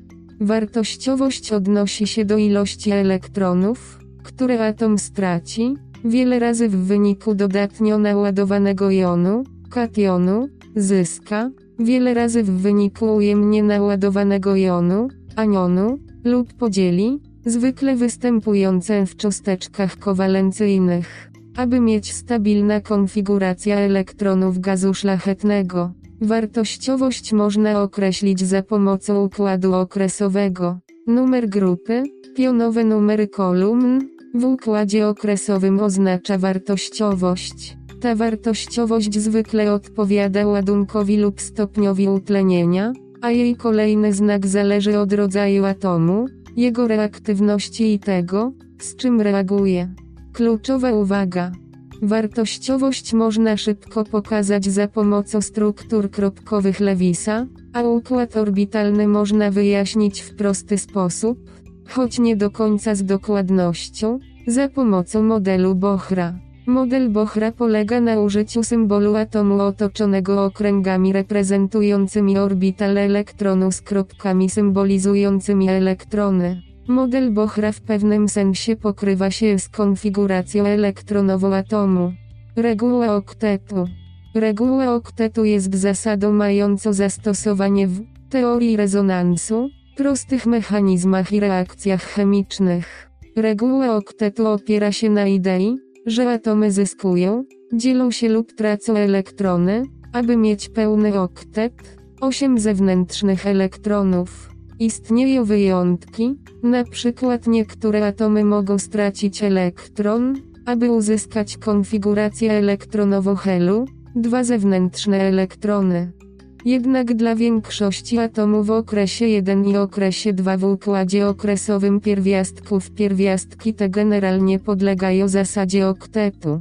Ta reguła jest pomocna w przewidywaniu reaktywności i prostym wyjaśnianiu uzasadnienia pewnych reakcji chemicznych. Szczególny wyjątek dla okresu 3 i kolejnych. W zależności od atomu, jego reaktywności i tego, z czym reaguje, istnieją wyjątki od reguły oktetu. Na przykład w przypadku niektórych atomów metali, takich jak aluminium, al i innych, w tym żelaza, niemetali, takich jak fosfor i selen, oraz gazów szlachetnych, takich jak ksenon. Istnieje wiele wyjątków, ale reguła nadal zapewnia ramy dla rozwoju koncepcyjnego. Metoda pisania struktur punktowych elektronów Lewisa. Dla atomów jonów. W przypadku atomów i jonów rozważ przede wszystkim numer grupy i konfigurację elektronów. Na przykład struktura kropek elektronów Lewisa chloru lub wodoru. Rysunek 3.1a Powyższy rysunek przedstawia struktury punktowe elektronów Lewisa atomu chloru i atomu wodoru, odpowiednio od lewej do prawej. Dla cząsteczek. A zacznij od określenia całkowitej liczby elektronów wśród atomów w cząsteczce. Następnie narysuj pojedyncze wiązania między każdym atomem. Odejmij dwa elektrony dla każdego pojedynczego wiązania od całkowitej liczby elektronów. Liczyć. W razie potrzeby dodaj dodatkowe wiązania, na przykład w przypadku wiązań węglowo-tlenowych w aldehydach i ketonach układ wiązań ma zwykle postać wiązania podwójnego. Znaj i obserwuj trendy. Po oznaczeniu wszystkich niezbędnych dodatkowych wiązań odejmij odpowiednią liczbę elektronów dla dodanych dodatkowych wiązań. Zazwyczaj pozostałe elektrony oznaczają je jako samotne pary wokół odpowiednich atomów. Struktury skondensowane. Struktury skondensowane są ważne w procesie zrozumienia, co reprezentują i pokazują struktury linii wiązania. Na przykład w skondensowanych strukturach wszystkie atomy wodoru są pokazane jako przyłączone do atomów węgla. Rycina 3.1b Powyższy rysunek przedstawia skondensowaną strukturę S-2 bromobutanu. Struktura bondline.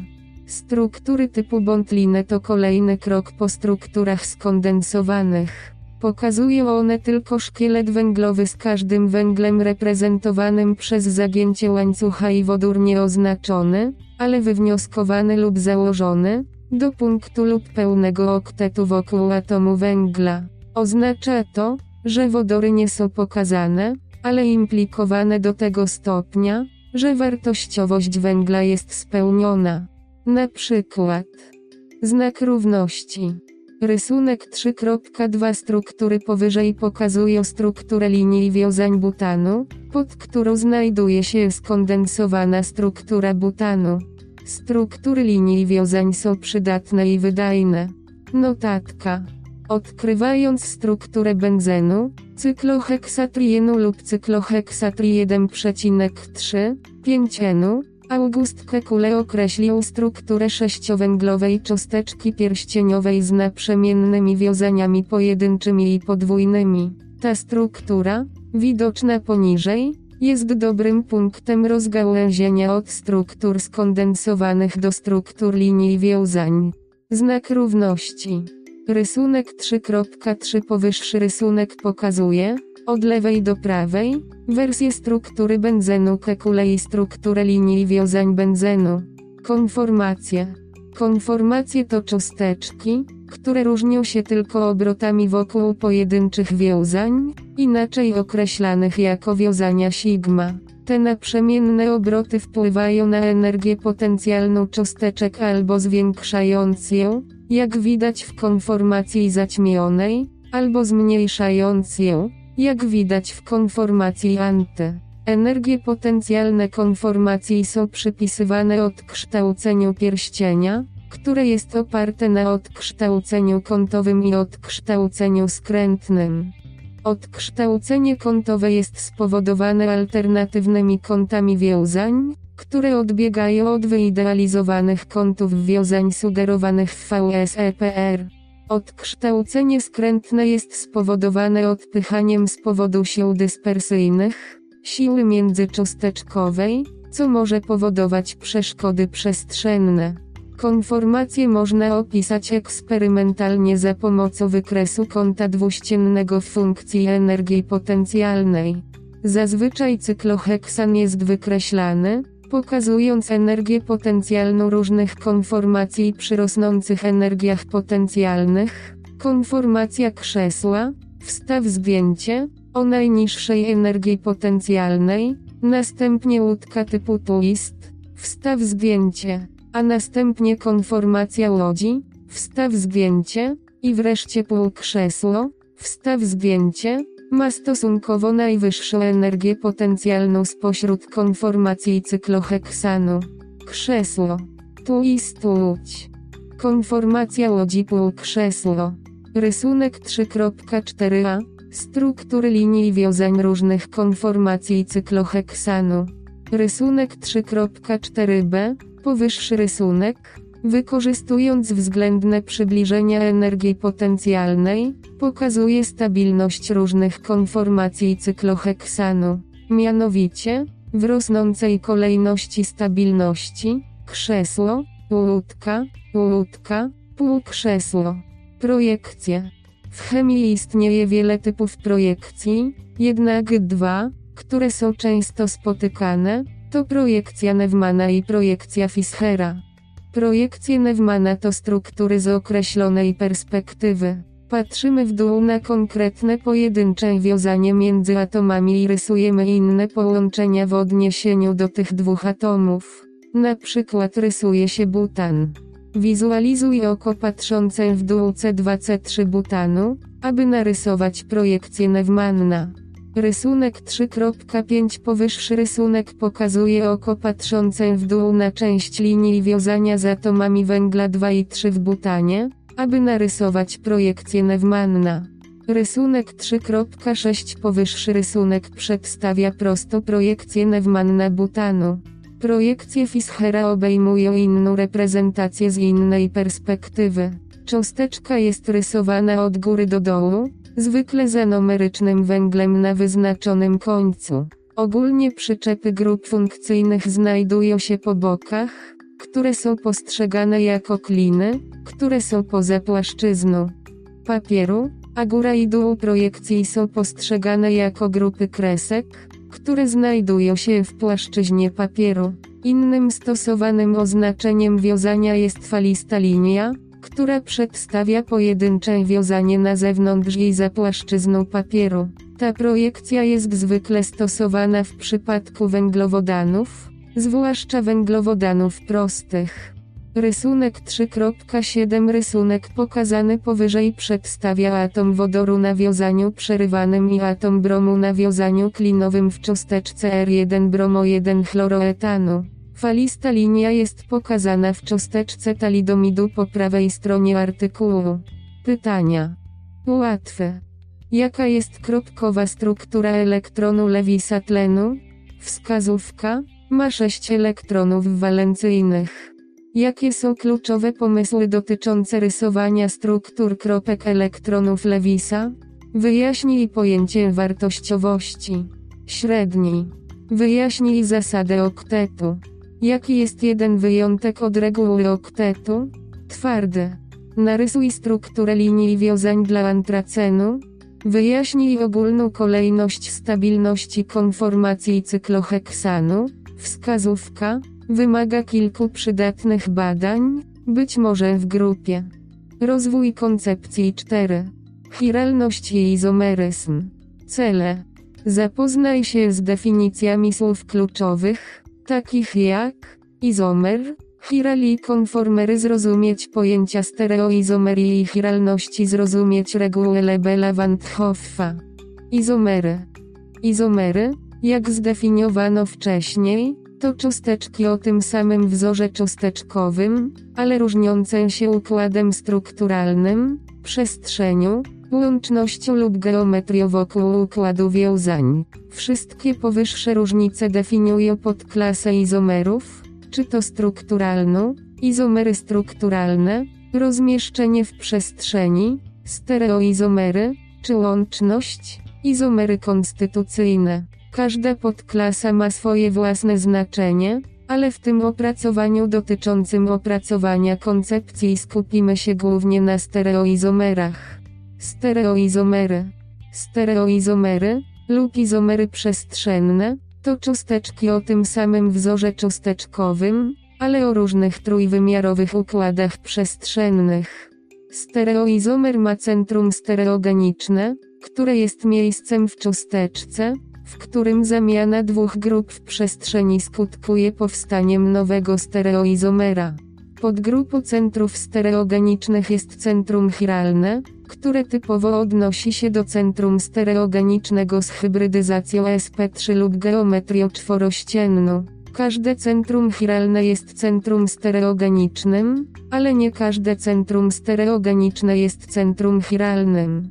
Stereoizomery można dalej podzielić na trzy inne kategorie enancjomerów, diastereomerów i atropoizomerów. Enancjomery.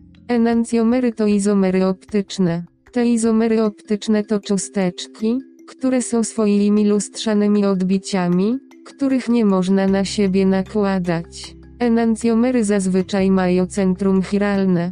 Enancjomery są bardzo istotne w przemyśle farmaceutycznym, ponieważ specyficzne enancjomery w lekach mają określone działanie. Widać to na przykładzie klasycznych przykładów talidomidu, ibuprofenu i darwonu, gdzie stereospecyficzność odgrywa dużą rolę w określaniu potencjału terapeutycznego i efektów terapeutycznych. Rycina 4.1 Powyższy rysunek przedstawia, od lewej do prawej, struktury linii wiązań cząsteczek, talidomidu, ibuprofenu i darwon.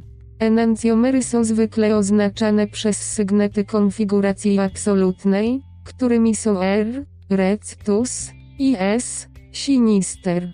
Rysunek 4.2 Powyższy rysunek pokazuje, od, od lewej do prawej, orientacja związana z różnymi konfiguracjami bezwzględnymi. Mieszaniny obu enancjomerów nazywane są racemicznymi, zwykle są to mieszaniny o równych proporcjach. Proces tworzenia obu enancjomerów jako produktów jest znany jako racemizacja. Produkt wspomnianego procesu jest znany jako racemat.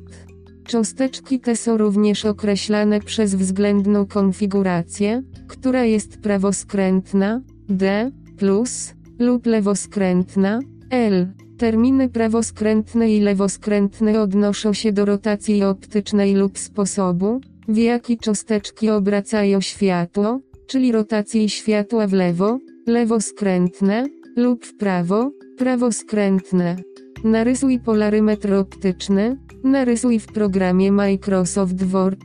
Również zakres, w jakim światło jest obracane, jest zwykle oznaczany za pomocą określonego obrotu. Istnieją inne zastosowania z dyspersją optyczną, polarymetrią, dichroizmem kołowym i innymi zjawiskami polaryzacji. Przypisywanie konfiguracji.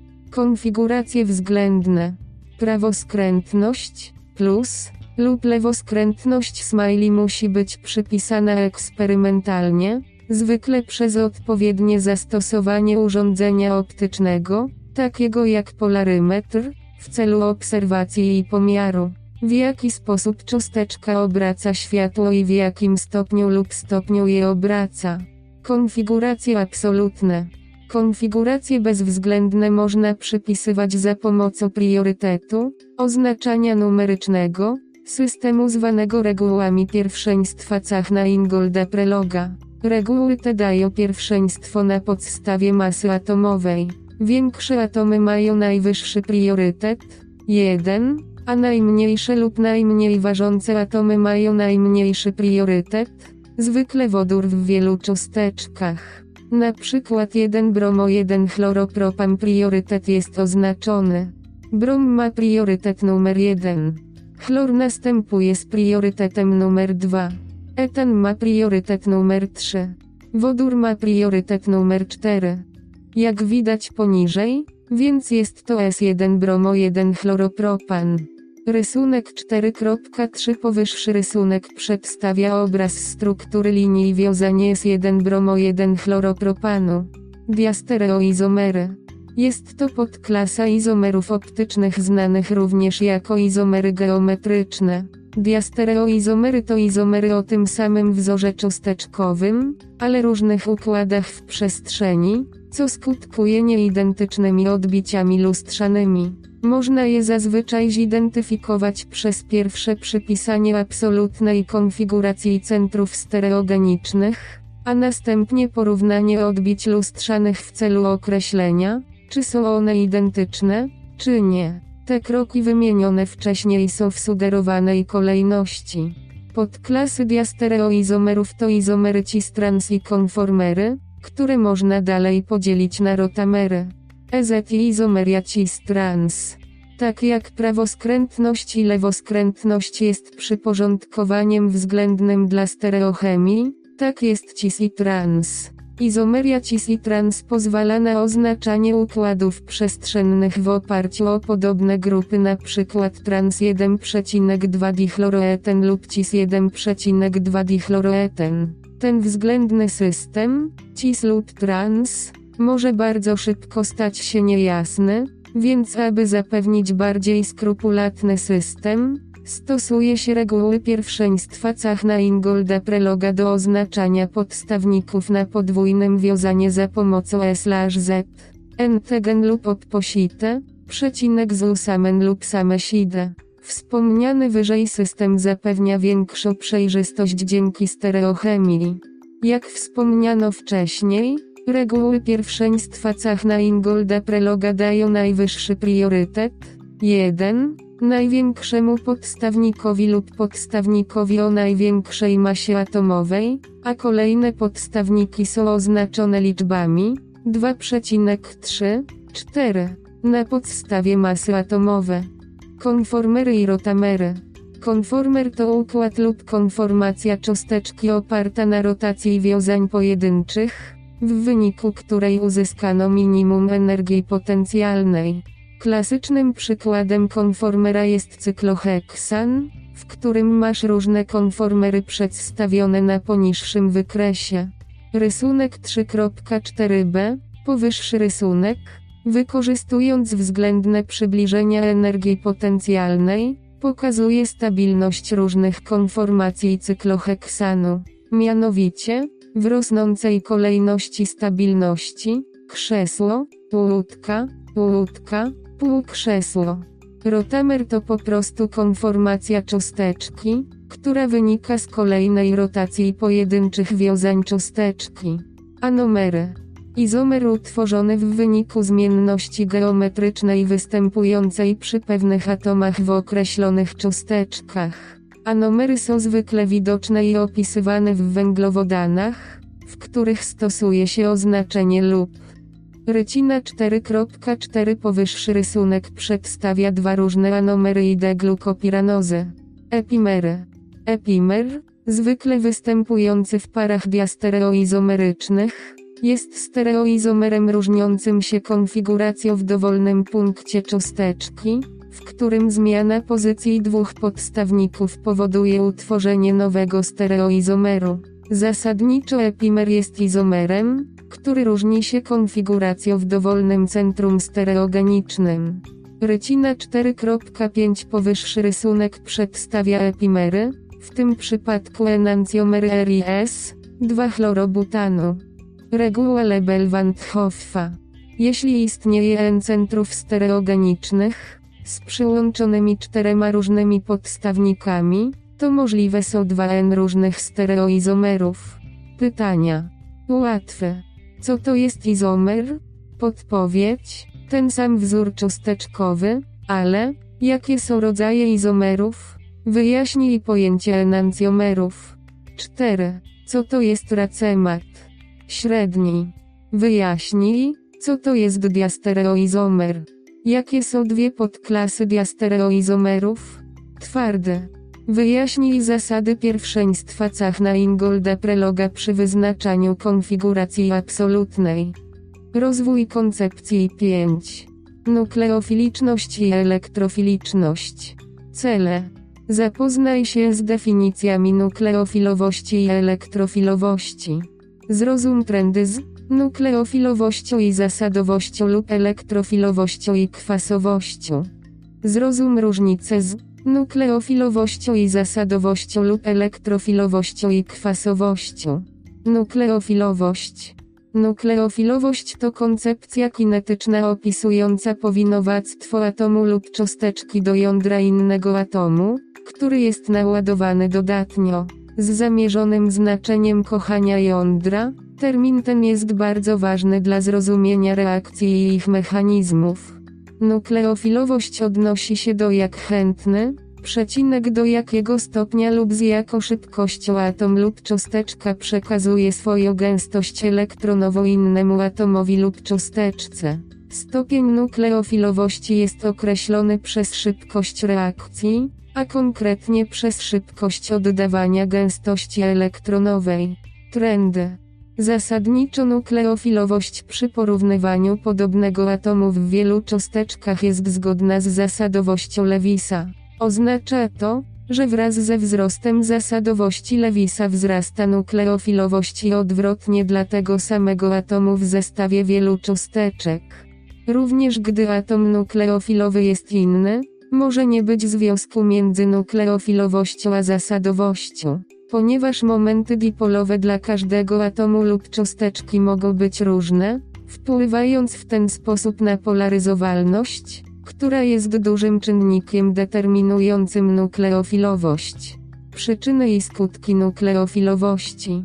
Nukleofilowość jest zasadniczo zakorzeniona w siłach kulumbowskich. Tłumaczy się to tym, że podobne ładunki odpychają się lub powodują, że system ma niekorzystnie wysoką energię potencjalną, a w przeciwieństwie do ładunków przyciągają lub powodują, że system ma korzystnie niską energię potencjalną.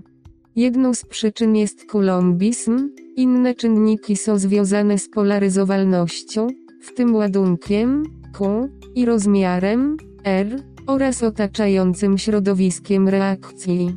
Niektóre efekty nukleofilowości polegają na tym, że prowadzi ona do tworzenia produktów poprzez komplementację zachodzącej reakcji.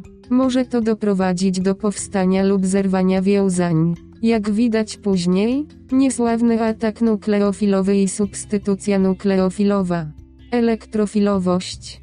Elektrofilowość jest pojęciem kinetycznym. Obejmuje reakcję, w której następuje akceptacja pary elektronów. Elektrofil definiuje się jako akceptor pary elektrofilowej i addycja elektrofilowa. Elektrofilowość jest z definicji przeciwieństwem nukleofilowości. Obejmuje miarę, stopień lub zasięg, mówiąc kinetycznie, ile atom lub cząsteczka jest skłonny zaakceptować gęstość elektronów z innego atomu lub cząsteczki. Trendy. Popraw sformułowania i pomysły. Niektóre ogólne trendy są zgodne z trendem elektroujemności, w którym ranga elektrofilowa jest podobna do indeksu elektrofilowego. Mianowicie F, Cl, I, SO2, Na. I ta kolejność jest zgodna z rankingiem elektroujemności. Kwasowość Lewisa ma tendencję do równoległości do trendu elektrofilowości. W tym elektrofilowe atomy mają tendencję do przyjmowania par elektronów. W rzeczywistości kwas Lewisa nazywany jest elektrofilem. Połączenia koncepcyjne. Jest to możliwa koncepcyjna ścieżka łączenia parametrów równowagi termodynamicznej z parametrami kinetycznymi.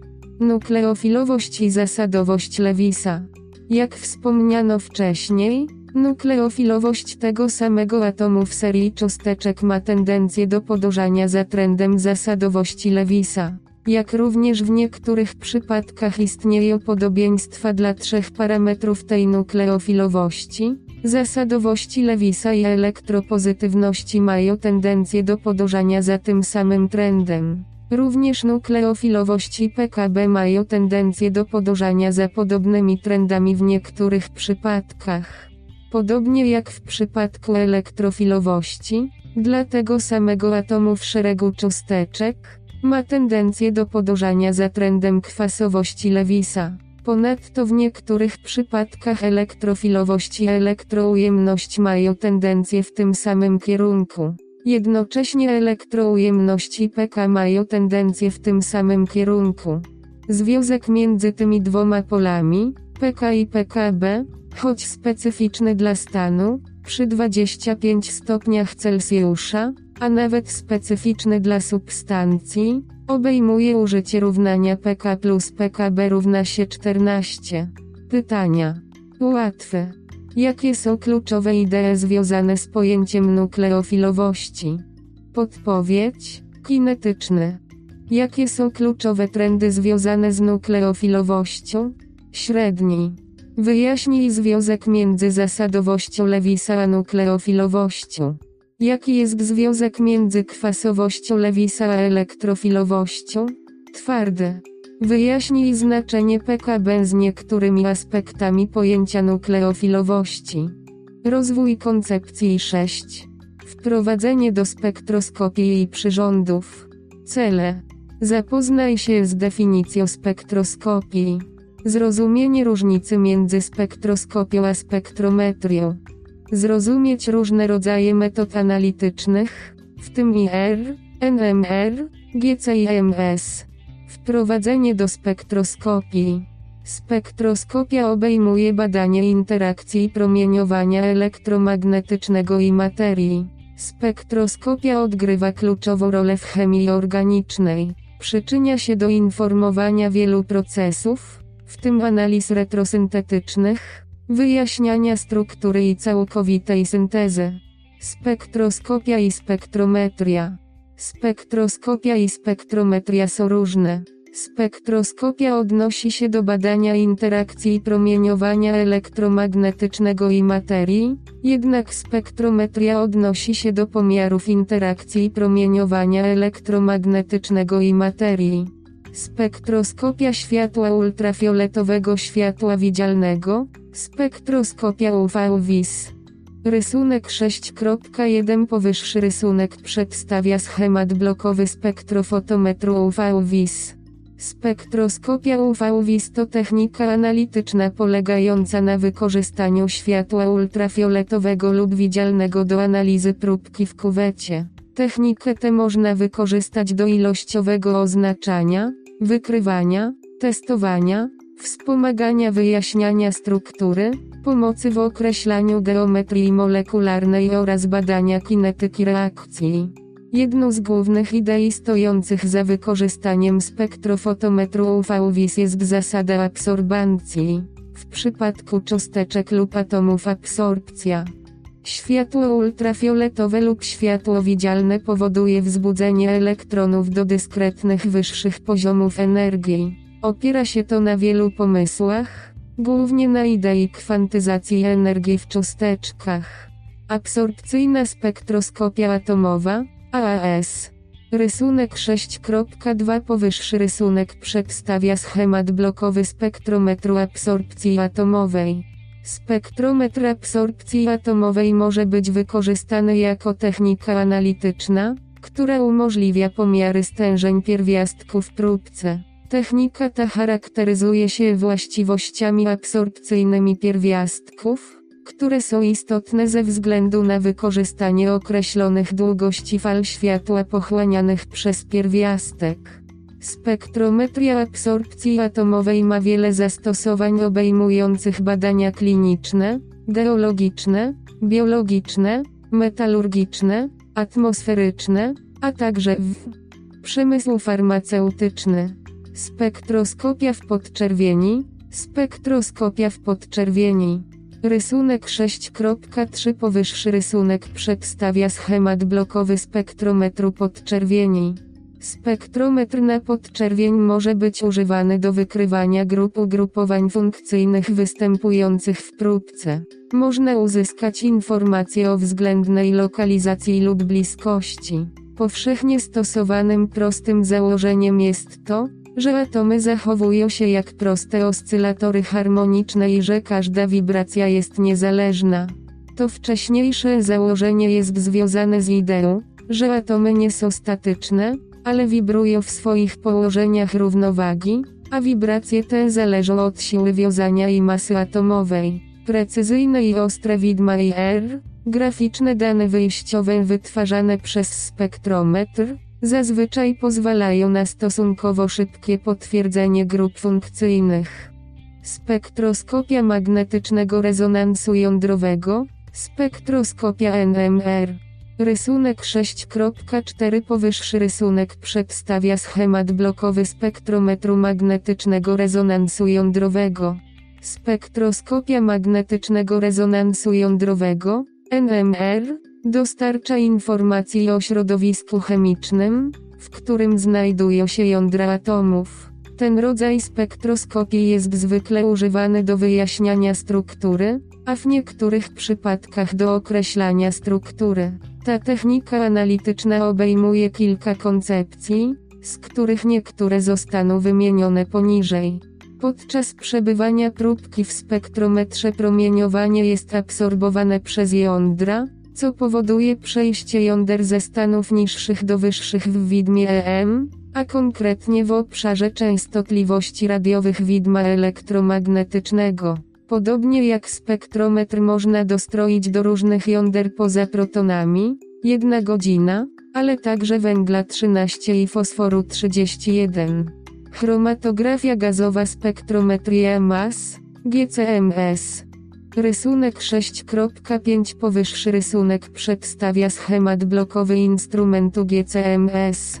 GCMS to technika analityczna, która obejmuje zarówno techniki analityczne chromatografii gazowej, jak i spektrometrię mas. Jest to metoda, w której składniki mieszaniny są rozdzielane za pomocą chromatografii, chromatografii gazowej, oraz analizowane i charakteryzowane za pomocą spektrometrii mas.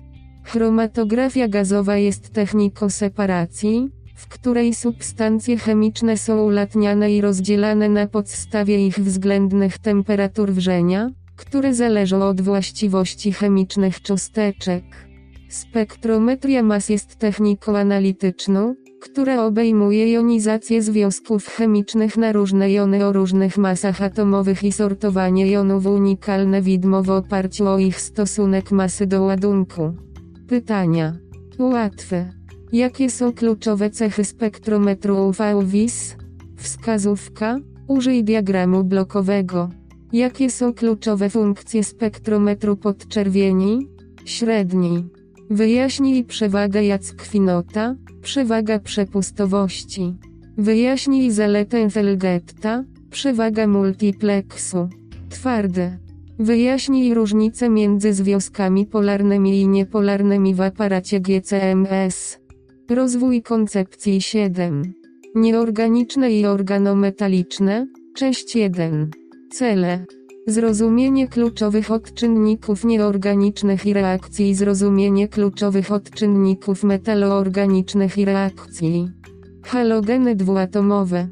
Halogeny dwuatomowe mają znaczenie chemiczne, co widać w kilku obszarach chemii organicznej. Niezależnie od tego, czy w obecności światła, HVU, rozpuszczalnika organicznego czy nadtlenków, mogą one powodować tworzenie fluorowcowanych grup zmiennych, RX, które mogą różnić się od halogenków alkilowych do chlorków acylowych. Podstawione halogeny dwuatomowe w cząsteczce organicznej mogą dawać nowe właściwości, zarówno chemiczne, jak i fizyczne, stereochemię, siły międzycząsteczkowe, a także konformacje. Również środowisko reakcji chemicznej wpływa również na regioselektywność w reakcji. Do badania obecności olefin, a mianowicie bromu z alkenem, można również zastosować halogeny dwuatomowe, a wynikiem jest bezbarwny roztwór. Halogeny dwuatomowe mają wszechstronne zastosowanie w chemii organicznej. Związki zawierające grupę karbonylową i inne związki. Kilka odczynników nieorganicznych stosuje się jako środki redukujące lub utleniacze do przekształcania związków karbonylowych w pierwszorzędowe i drugorzędowe podstawione w pierwszorzędowe i drugorzędowe alkohole, a w innym kierunku może przekształcać alkohole w kwasy karboksylowe. Rycina 7.1 Powyższy rysunek przedstawia związki organiczne w rosnącej kolejności utleniania od alkoholi do estrów. Odczynniki. Borowodorek sodu, NEP4, służy do stopniowej redukcji aldehydów i ketonów do alkoholi. Rycina 7.2 Ten rysunek przedstawia obraz, w tym przypadku, środka redukującego, borowodorku sodu. Wodorek glinowo-litowy, LiALH4, jest bardzo niebezpiecznym, łatwopalnym i silnym środkiem redukującym, który redukuje kwasy karboksylowe i inne związki zawierające grupy karbonylowe do alkoholi. Rycina 7.3 Ten rysunek przedstawia w tym przypadku środek redukujący, wodorek litowo-glinowy. Chlorochromiam pirydu, PCC, Służy do utleniania. Jego funkcją jest utlenianie pierwszorzędowych alkoholi do aldehydów i drugorzędowych alkoholi do ketonów. Chlorochromiam pirydu powstaje w reakcji trójtlenku chromu z kwasem chlorowodorowym, HCl, z wytworzeniem kwasu chlorochromowego, który poddaje się reakcji spirydynu, tworząc PCC. Rysunek 7.4 Ten rysunek przedstawia strukturę chlorochromianu pirydu, PCC. Odczynnik Jonesa, CRO4, H2SO4, to nieorganiczny odczynnik używany do utleniać. Działa zwykle jako kwas chromowy i polega na utlenianiu pierwszorzędowych alkoholi do kwasów karboksylowych i drugorzędowych alkoholi do ketonów. Odczynnik Jonesa jest dobrym odczynnikiem utleniającym. Rysunek 7.5 Powyższy rysunek przedstawia typowy odczynnik utleniający w procesie utleniania jonesa. Nadmanganiam potasu, KMNO4, to kolejny odczynnik nieorganiczny. Powoduje utlenianie pierwszorzędowych alkoholi do kwasów karboksylowych i drugorzędowych alkoholi do ketonów. Rycina 7.6 Ten rysunek przedstawia strukturę chemiczną nadmanganianu potasu, KMNO4. Pentachlorek fosforu, PCl5, to cząsteczka o wielu zastosowaniach. Mianowicie interkonwersja kwasów karboksylowych i bezwodników kwasowych do chlorków acylowych. Rysunek 7.7 Powyższy rysunek przedstawia strukturę cząsteczki pięciochlorku fosforu, PCl5. Cyjanoborowodorek sodu, NAP3CN, jest stosowany w redukcyjnej aminacji, w wyniku której powstają aminy w wyniku redukcji cyjankowej części odczynnika. To kolejny przykład zachodzącego ataku nukleofilowego, tymczasem borowodorek sodu służy jako niesławny środek redukujący. Rycina 7.8 Ten rysunek przedstawia strukturę cyjanoborowodorku sodu. Odczynniki nieorganiczne, takie jak kwasy, HCl i zasady, NaOH, mogą również służyć jako rozpuszczalniki lub katalizatory obniżające energię stanu przejściowego, co skutkuje alternatywną ścieżką przebiegu reakcji w łatwiejszy sposób. Metaloorganiczne Związki metaloorganiczne jako środki redukujące nukleofile. Odczynniki Grignarda, RMGX. Odczynniki Grignarda to jedne z pierwszych napotkanych związków metaloorganicznych. Cząsteczki te składają się z organicznej grupy zmiennej, R, atomu magnezu, Mg, i halogenku, X. Są one zwykle używane do przyłączania organicznej grupy zmiennej, alkilowej, do karbonylu. W międzyczasie redukując tlen do grupy hydroksylowej, tworząc w ten sposób alkohol.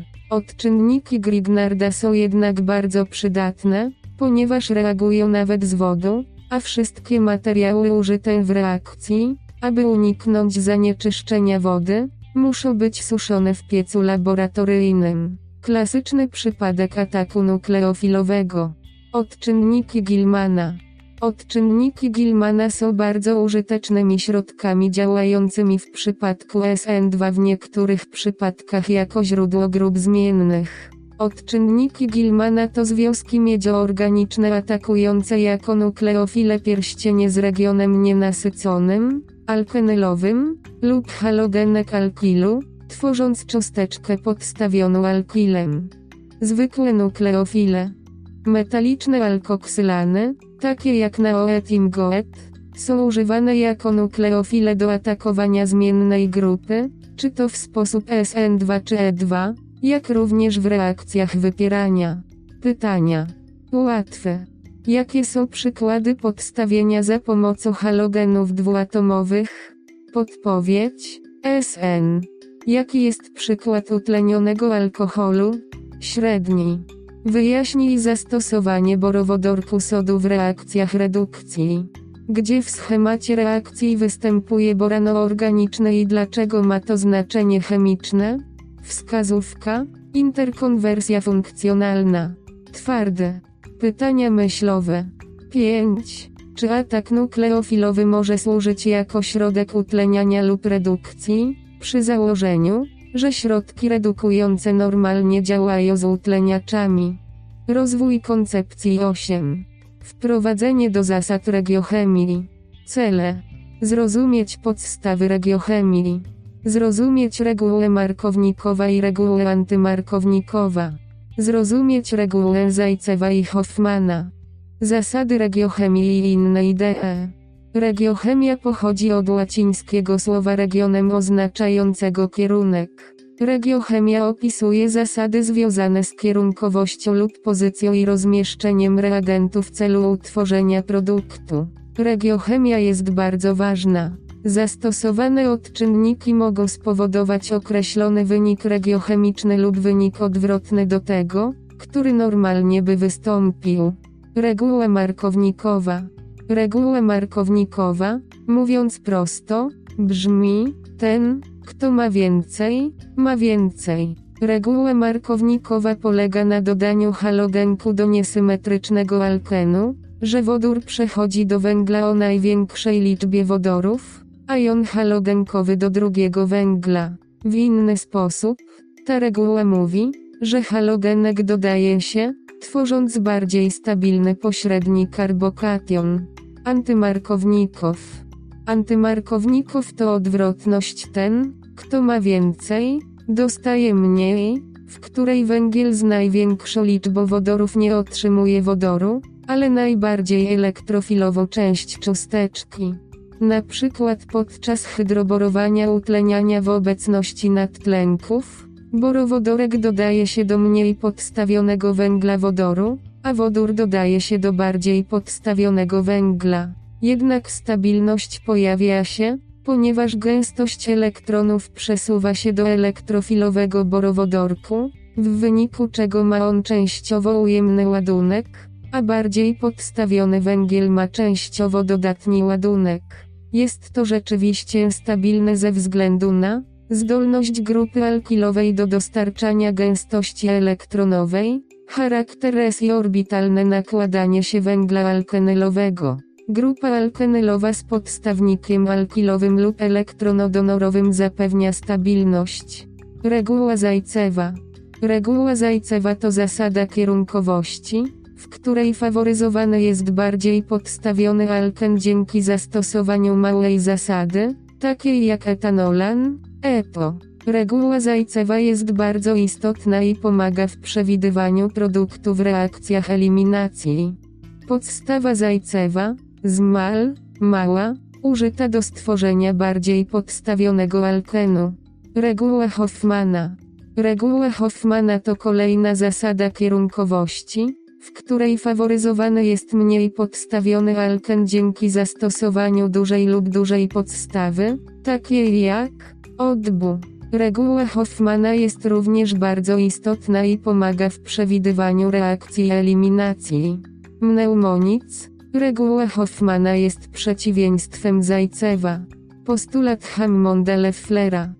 Postulat Hammona-Lefflera zasadniczo stwierdza, że produkt przypomina układ molekularny stanu przejściowego. Mówiąc prościej, widok na wzgórze energii potencjalnej jest w pewnym sensie kontynuowany, gdy podążasz przez podróż energii potencjalnej.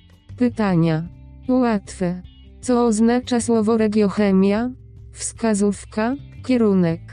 Jaki jest przykład reakcji zgodnej z regułą markownikowa? Średni. Wyjaśnij regułę antymarkwnikowa. Dlaczego reguła Zajcewa jest istotna w reakcjach eliminacji? Wskazówka, mała podstawa. Twarde.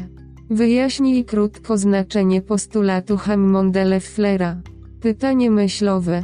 Dlaczego te zasady regiochemii są pomocne w badaniu mechanizmów? Rozwój koncepcji 9. Rodzaje reakcji. Cele. Zrozumieć ogólne typy reakcji. Znać i rozumieć przykłady typów reakcji, rozumieć różnice między typami reakcji. Wstęp. Istnieje kilka rodzajów reakcji chemicznych, które można podzielić na szersze kategorie w zależności od tego, co zachodzi w reakcji. Na przykład, jeśli reagenty są przyłączane lub dodawane do alkenu, reakcja ta jest klasyfikowana w grupie reakcji znanych jako reakcje adudycji. Istnieje kilka podstawowych kategorii, które zostaną omówione. Tutaj. Dodatek. Substytucja, eliminacja, redukcja i utlenianie, przegrupowanie. Dodatek. Dodatek, mówiąc najprościej, jest jak tradycyjny związek synergiczny, w którym dwie części stają się jednym. Dwie różne cząsteczki są dodawane razem, a produkt lub suma chemiczna jest nową pojedynczą cząsteczką. Dodatek może być napędzany przez nukleofile, dodatek nukleofilowy, lub elektrofile, dodatek elektrofilowy. Ten typ reakcji zwykle zachodzi w obszarach o dużej gęstości elektronów i uporządkowaniu wiązań, które obserwuje się w związkach z wiązaniami wielokrotnymi, wiązanie podwójne, potrójne, N. Podstawienie. Substytucja jest z definicji rodzajem zastąpienia grupy chemicznej. Polega to na zastąpieniu atomu lub grupy atomów atomem lub grupą atomów. Może to być napędzane przez nukleofile, SN1 lub SN2, nukleofilowe podstawienie aromatyczne, lub elektrofile, elektrofilowe podstawienie aromatyczne. Jak również może obejmować halogenki alkilowe lub związki aromatyczne. Substytucyjne nukleofilowe jednocząsteczkowe, SN1, i podstawieniowe nukleofilowe dwucząsteczkowe, SN2, to zazwyczaj jedne z pierwszych reakcji, z którymi spotyka się student chemii organicznej. Eliminacja. Eliminacja polega na utracie grupy atomów z cząsteczki. Może to spowodować powstanie produktu alkenowego lub alkinowego. Eliminacja zwykle skutkuje wzrostem netto gęstości elektronów dla określonej cząsteczki, co, jeśli się ją rozważy, ma sens, ponieważ ogólny proces utraty i wzmocnienia gęstości elektronów, który zwykle przedstawia się mechanistycznie, może zaspokoić wymagania dotyczące energii entropicznej i potencjalnej, przykład eliminacja jednocząsteczkowa, E1, lub eliminacja dwucząsteczkowa, E2, to przykłady rodzajów zachodzących reakcji eliminacji. Redukcja i utlenianie. Redukcja i utlenianie to klasyczny sparowany proces, w którym jeden atom lub cząsteczka zyskuje gęstość elektronową, podczas gdy inny traci gęstość elektronową, co jest odpowiednio redukcją i utlenianiem. Oba procesy mają charakter sprzężony. Redukcja zwykle zachodzi w reakcjach organicznych, takich jak uwodornienie, przy użyciu alkenów nikluranyla lub LiALH z jego wysoką zdolnością redukującą dla związków zawierających karbonyl. Mnemonika. Utlenianie, lari, utrata elektronów. Dodatek tlenu. Usuwanie wodoru. Wzrost stanu lub liczby utlenienia. Redukcja, glad, pozyskiwanie elektronów. Utrata tlenu. Dodatek wodoru. Spadek stanu lub liczby utlenienia. Przegrupowanie. Przegrupowanie to przesunięcie lub zmiana chemicznego układu lub makijażu cząsteczki. Klasyczne przegrupowanie zwykle zachodzi poprzez przesunięcia 1,2 lub 1,3 metylowe lub wodorkowe. Termodynamiczne podstawy i uzasadnienie te przegrupowania zachodzą, jest to, że prowadzą one do bardziej stabilnej karbokationu, jako stanu przejściowego lub półproduktu reakcji. Wiele razy przegrupowanie powoduje umieszczenie ładunku dodatniego na wyżej podstawionych atomach węgla. Jest to przedstawiane jako drugorzędowe lub trzeciorzędowe karbokationy. Dalsze badania. Istnieją inne kategorie klasyfikacji mechanistycznej. Podklasy obejmują Polar w warunkach zasadowych przykładem jest podstawienie nukleofilowe w warunkach zasadowych. Rycina 9.1 Powyższy rysunek przedstawia podstawienie nukleofilowe przy użyciu nukleofilu etanolanowego przy chlorku acylu. Polarne w warunkach kwaśnych przykładem jest uwodnienie katalizowane kwasem. Rycina 9.2 Powyższy rysunek przedstawia hydratację katalizowaną kwasem. Pericykliczny przykładem jest 4 plus 2, cykloadudycja, reakcja Bielsa-Aldera. 4 plus 2 odnosi się do liczby elektronów, w szczególności pi elektronów. Rysunek 9.3 Powyższy rysunek przedstawia reakcję cykloadudycji Bielsa-Aldera. Reakcje wolnorodnikowe, przykładem jest polimeryzacja wolnorodnikowa. Rysunek 9.4 Powyższy rysunek przedstawia wolnorodnikową reakcję rodnika hydroksylowego z etenem. Reakcje, w których pośredniczy metal, przykładem jest reakcja, w której pośredniczy sód. Brzozę. Rysunek 9.5 Powyższy rysunek przedstawia redukcję brzozy za pośrednictwem sodu. Pytania. Łatwe. Jakie są dwa rodzaje reakcji? 2. Jakie są dwa rodzaje dodawania? Średni. Jakie są kluczowe cechy zamiennika? Jakie są kluczowe cechy reakcji eliminacji? Wyjaśnij znaczenie przegrupowań w kategoriach stabilności. Pytanie myślowe. Dlaczego ważna jest znajomość tego typu reakcji wymienionych w niniejszym opracowaniu koncepcji? Rozwój koncepcji 10. Zamiany i eliminacje, kolejność i kolejność drugi. Cele. Zrozumieć kluczowe cechy substytucji, jednocząsteczkowe i dwucząsteczkowe. Zrozumieć kluczowe cechy eliminacji, jednocząsteczkowe i dwucząsteczkowe. Naucz się odpowiednich terminów dotyczących zastępowania i eliminacji. Nukleofil. Nuelofil z definicji to atom lub cząsteczka, która jest kochająca jądro lub cząsteczka o wysokim potencjale przekazywania gęstości elektronów innej, zwykle poprzez atak nuelofilowy. Nukleofil jest zazwyczaj zasadą Lewisa, cząsteczką lub atomem, który przekazuje elektrony. Nukleofile istnieją w spektrum, w którym końce są słabe i mocne. Słabe nukleofile to słabe zasady Lewisa lub cząsteczka, która ma niską tendencję do oddawania elektronów, ma mały ładunek ujemny lub jest zawadą przestrzenną. Silne nukleofile to silne zasady Lewisa, które są silnie naładowane, polaryzowalne i mają dużą tendencję do oddawania elektronów. Elektrofil. Elektrofil z definicji jest przeciwieństwem nukleofila lub zasady Lewisa. Jest to kwas Lewisa. Funkcjonuje w celu przyjmowania elektronów lub gęstości elektronów, która jest przekazywana. Elektrofile mogą być również silne lub słabe.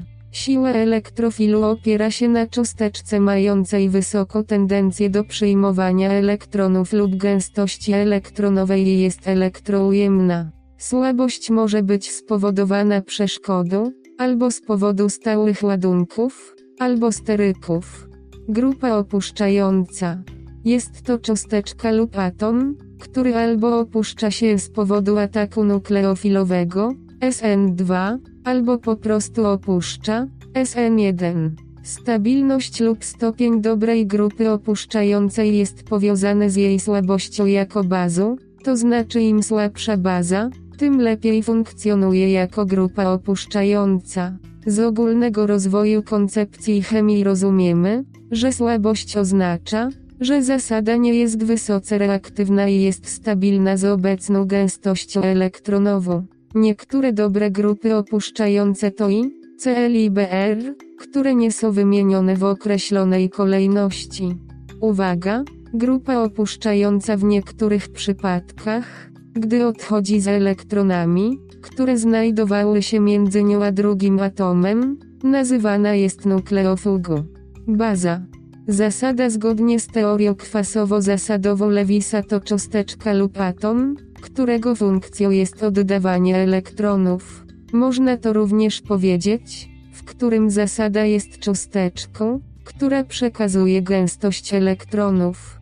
Uwaga, pomocna mneumonika, pas, wysokie stężenie sunu, SN2, którymi są polarny rozpuszczalnik aprotyczny, pas, wysokie stężenie kleofilu bez przeszkód przestrzennych NU, które uzupełnia reakcję SN2. Rozpuszczalnik aprotonowy. Rozpuszczalnik aprotonowy jest w rzeczywistości aprotyczny lub nie ma zdolności do oddawania protonu lub tworzenia wiązań wodorowych z innym atomem, jonem lub cząsteczką. Rozpuszczalnik protic. Rozpuszczalnik protonowy to rozpuszczalnik, który ma zdolność oddawania protonu lub tworzenia wiązań wodorowych z innym atomem, jonem lub cząsteczką. Płaskość. Użyj diagramu Venna, aby pokazać zależności antyperiplanar, symperiplanar i coplanar. Symperiplanar 0 stopni, 30 stopni. Antiperiplanar 150 stopni, 180 stopni. Współpłaszczyznowy 0 stopni, 180 stopni. Nukleofiles przeszkodą VS bez przeszkód. Zwykle odnosi się to do steryków, w których nukleofil z zawadą przestrzenną jest duży lub ograniczony i zablokowany lub prowokowany przez oddanie gęstości elektronów w celu napędzania reakcji. Również bez przeszkód zwykle odnosi się również do steryków, w których podstawa nie jest duża ani rozgałęziona i może łatwo przekazać swoją gęstość elektronową innej cząsteczce. Karbokacja. Zwykle jest to związek pośredni, w którym atom węgla jest węglowodorem o ładunku dodatnim. Jest to zwykle widoczne w SN1 lub E1. Stabilność. Można to zdefiniować jako cząsteczkę lub strukturę, która reprezentuje minimum energii potencjalnej. Kluczowe reakcje. Podstawienie nukleofilowe bimolekularne. Podstawienie nucleofilic bimolecular można przekształcić w etery, Williamson ether synthesis, alkohol, niezliczona ilość reakcji, tiole, tioetery, nitryl, alkilowane nitryle, alkiny, estry. Czwartorzędowe halogenki amoniowe lub azydek alkilu przy użyciu odpowiedniej i pożądanej grupy funkcyjnej jako nukleofil. Substytucja nukleofilowa jednocząsteczkowa.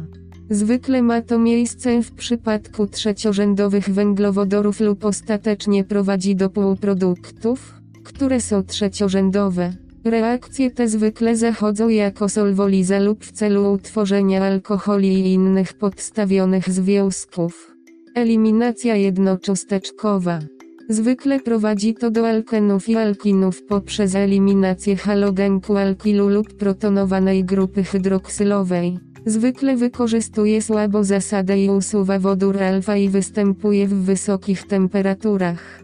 Eliminacja bimolekularna.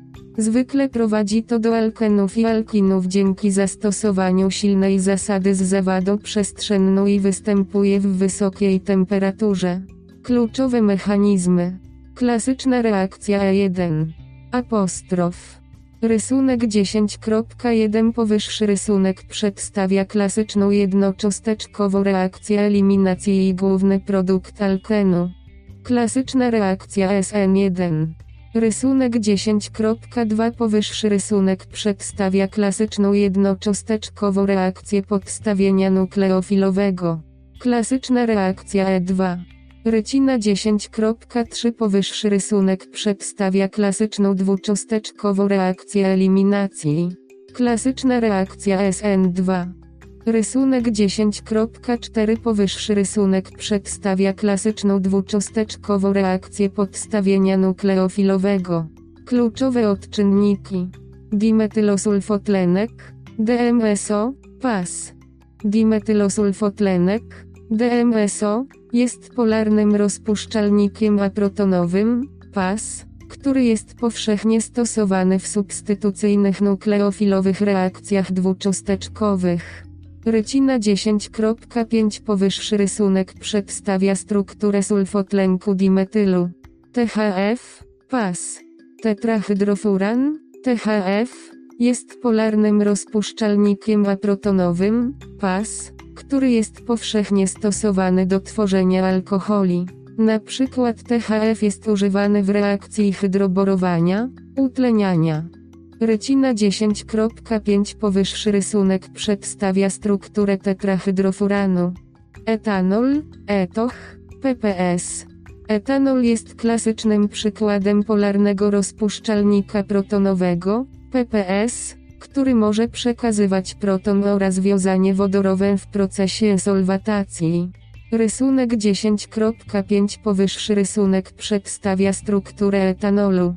MEOH, PPS. Metanol to kolejny klasyczny przykład polarnego rozpuszczalnika protonowego, PPS, który w procesie solwatacji może oddawać zarówno proton, jak i wiązanie wodorowe.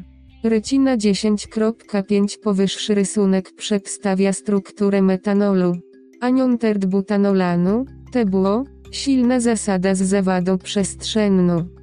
Anion butanolanu to kolejna silna zasada z zawadą przestrzenną, która zazwyczaj skutkuje regiochemią zgodną z regułą Hoffmana, ponieważ jest to duża zasada. Reguła Hoffmana skutkuje kinetycznie zmienionym produktem, którym jest mniej podstawiony alken.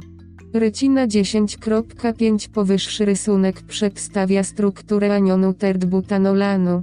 Anion etanolanu, ETO, mocna zasada bez przeszkód.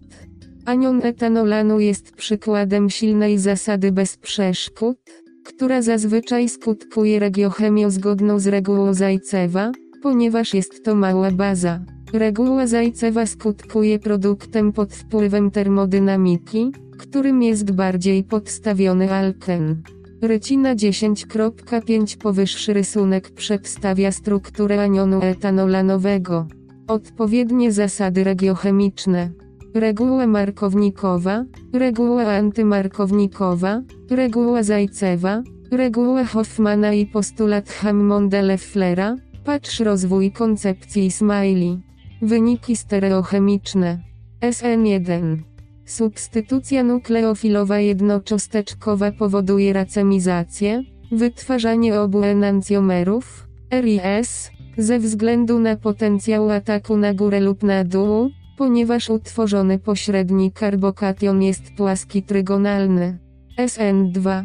Substytucja nukleofilowa bimolekularna skutkuje odwróceniem konfiguracji absolutnej, zmieniając stereochemię z R na S lub S na R. Te inwersje nazywane są inwersjami Waldena. Eliminacja E1 lub E2. Eliminacja stereochemia wypadkowej jednocząsteczkowej lub dwucząsteczkowej zależy od podstawienia i podstawników od czynników. Krótko mówiąc, jest to zależne od reagenta. Pytania. Łatwe. Co to jest nukleofil? 2. Co to jest nukleofuga?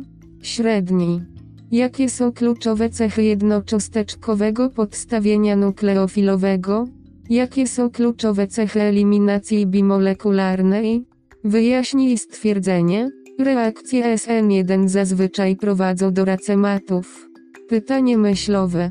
Dlaczego postulat Hammonda-Lefflera jest istotny w przypadku jednocząsteczkowego podstawienia nukleofilowego? Sekcja 2. Rusztowania. Część 1.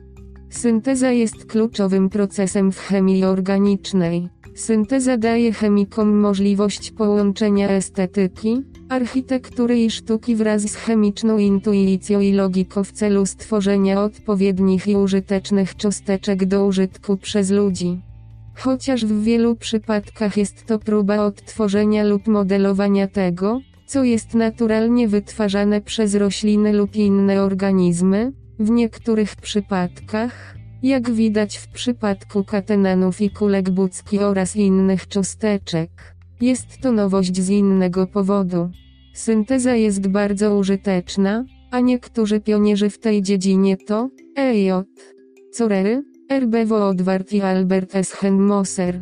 Synteza ma część podrzędną znaną jako retrosynteza, w której synteza cząsteczki jest prowadzona wstecz. Proces jest mapowany od produktu do jego syntetycznych składników, a odpowiednie reakcje są odnotowywane i określane.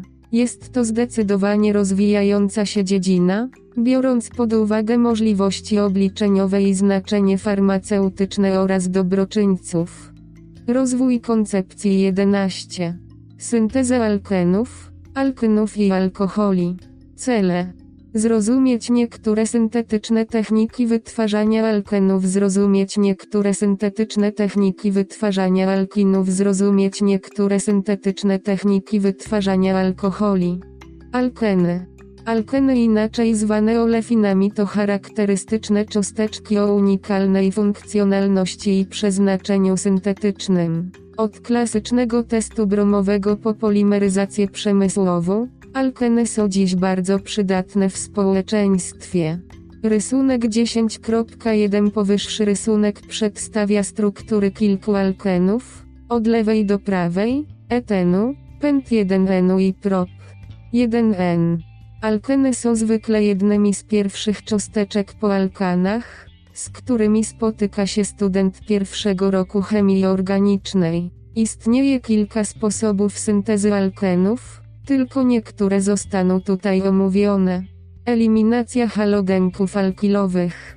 Halogenki alkilowe, które są zwykle syntetyzowane z ich bardziej nasyconych alkanów. Synteza z alkanów zwykle zachodzi w reakcji z halogenem w warunkach katalitycznych, światło, ciepło, atak elektrofilowy lub nukleofilowy. Halogenki alkilowe, gdy są monopodstawione, a następnie eliminowane, mają tendencję do tworzenia alkenu.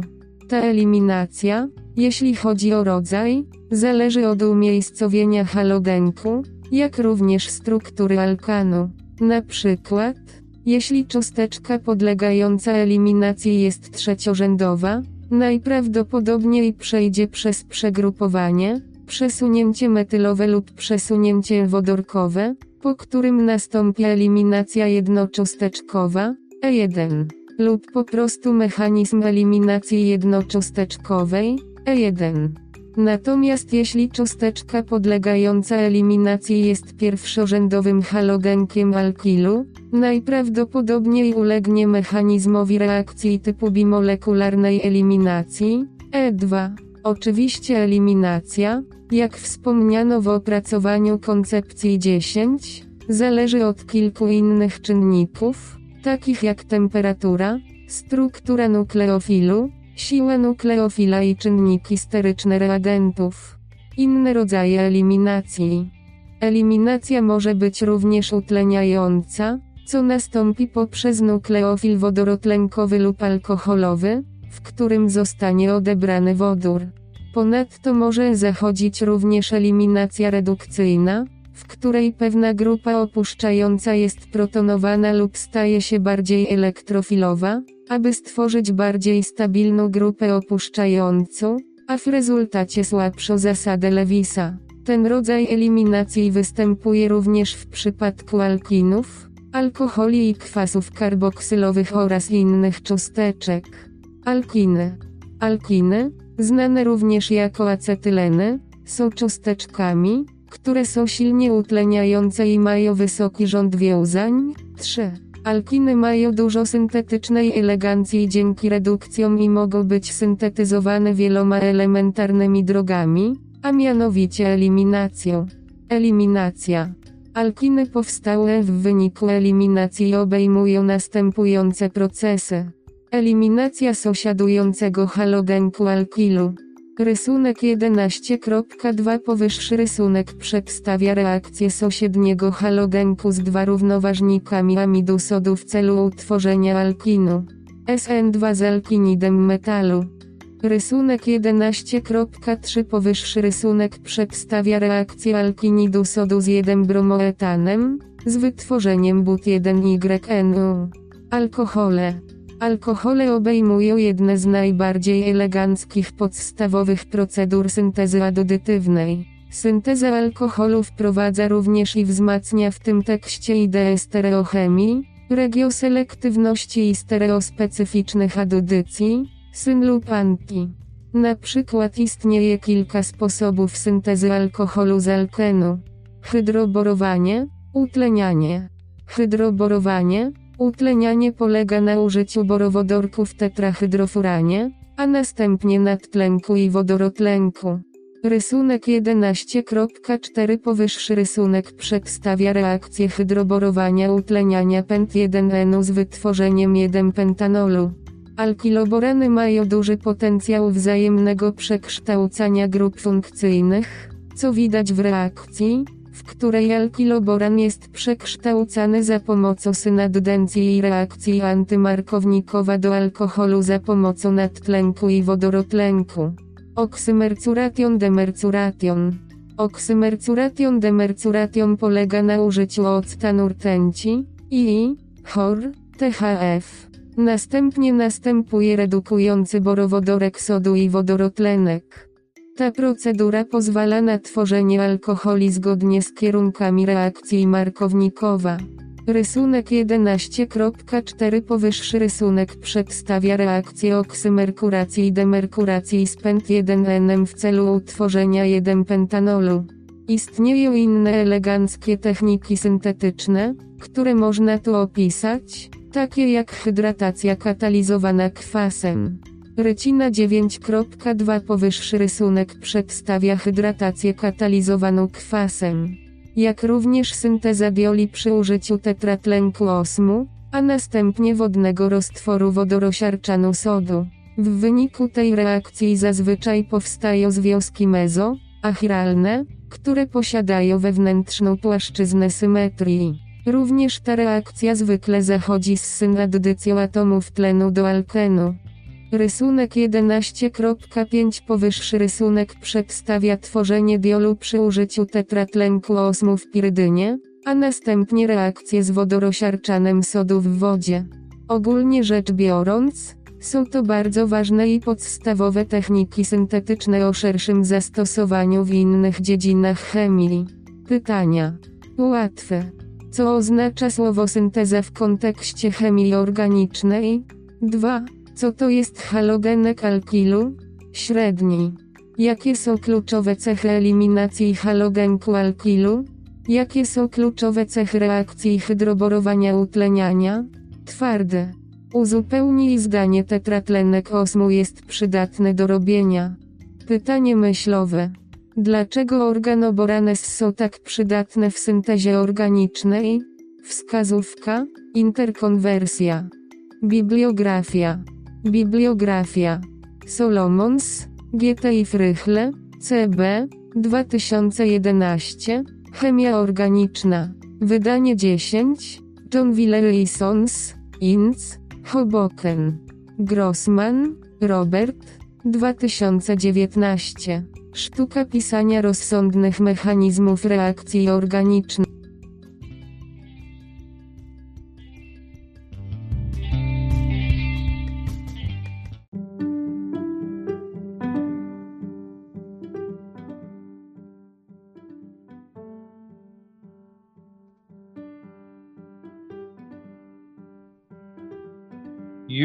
Are very important, especially to us here at the New Chemist podcasting group. You listening in is significant.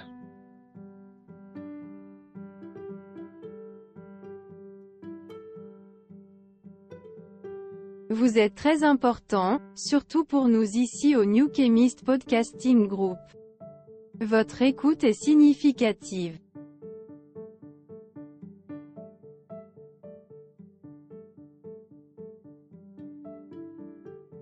Usted es muy importante, especialmente para nosotros aquí en The New Chemist Podcasting Group.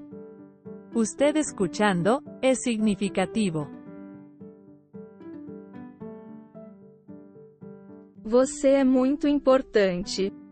Especialmente para nós do The New Chemist Podcasting Group. Você ouvindo, é significativo.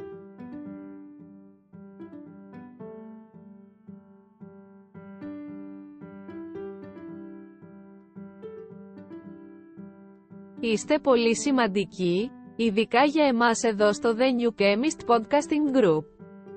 Το να ακούς είναι σημαντικό.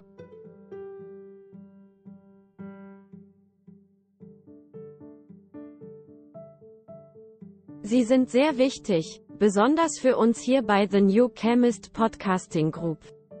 Es ist wichtig, dass du zuhörst.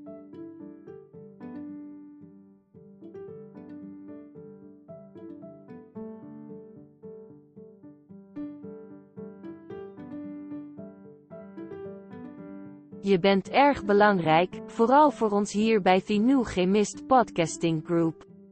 Dat je meeluistert, is veelbetekenend. You are very important, especially to us here at the New Chemist Podcasting Group. You listening in is significant.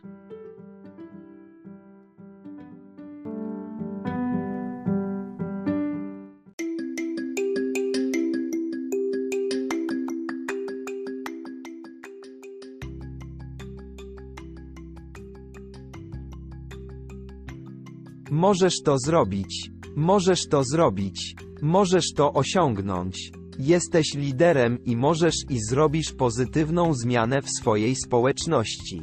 Nie poddawaj się, trzymamy kciuki i kibicujemy.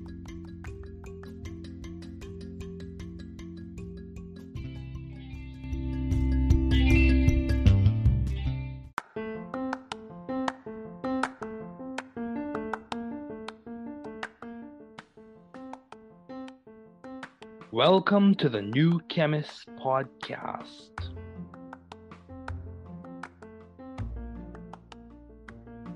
Bienvenidos al podcast del nuevo químico.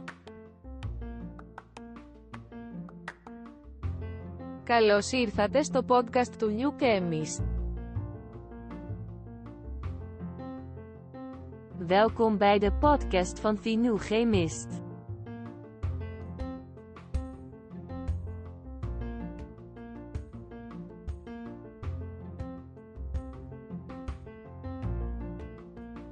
Bienvenue sur le podcast du nouveau chimiste.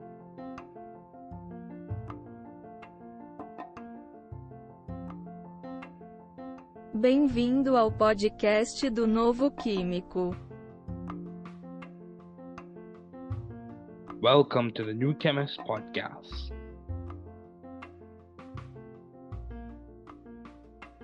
Work hard. Be value driven. You can do it. You can grow and learn it. You can be the difference you and your community needs. Don't give up. We are here rooting and cheering for you. Don't give up.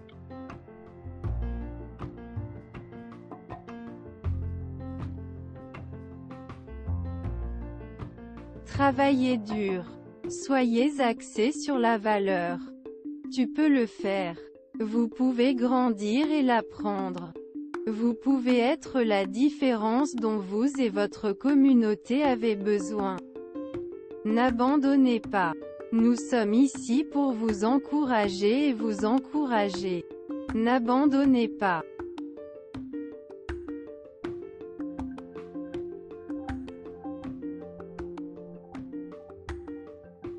Trabalhar duro. Seja orientado por valores. Você consegue. Você pode crescer e aprender. Você pode ser a diferença que você e sua comunidade precisam. Não desista. Estamos aqui torcendo e torcendo por você. Não desista.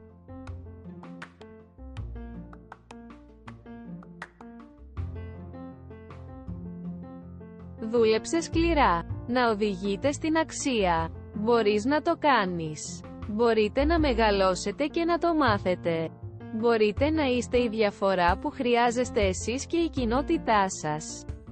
Μην τα παρατάς. Είμαστε εδώ για να σας ζητοκραυγάσουμε. Μην τα παρατάς.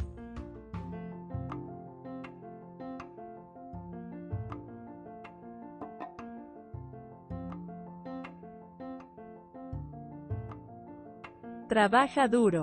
Sea impulsado por el valor. Puedes hacerlo. Puedes crecer y aprenderlo. Usted puede ser la diferencia que usted y su comunidad necesitan. No te rindas, estamos aquí animándote y animándote. No te rindas.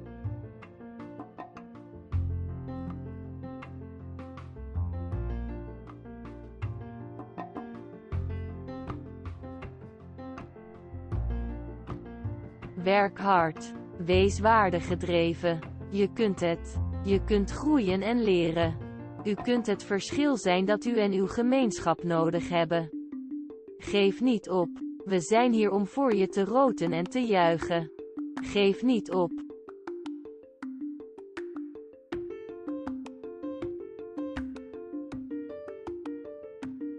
Work hard. Be value driven. You can do it. You can grow and learn it. You can be the difference you and your community needs. Don't give up. We are here rooting and cheering for you. Don't give up.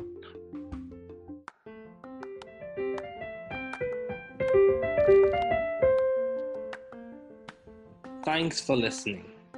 We're glad you were able to tune into this podcast. Once again, this is The New Chemist, where we discuss chemistry, which simply put is the science of change, as well as the other sciences, careers, community, research, and COVID 19. Thanks again for listening. Note the views on this podcast represent those of my guests and I.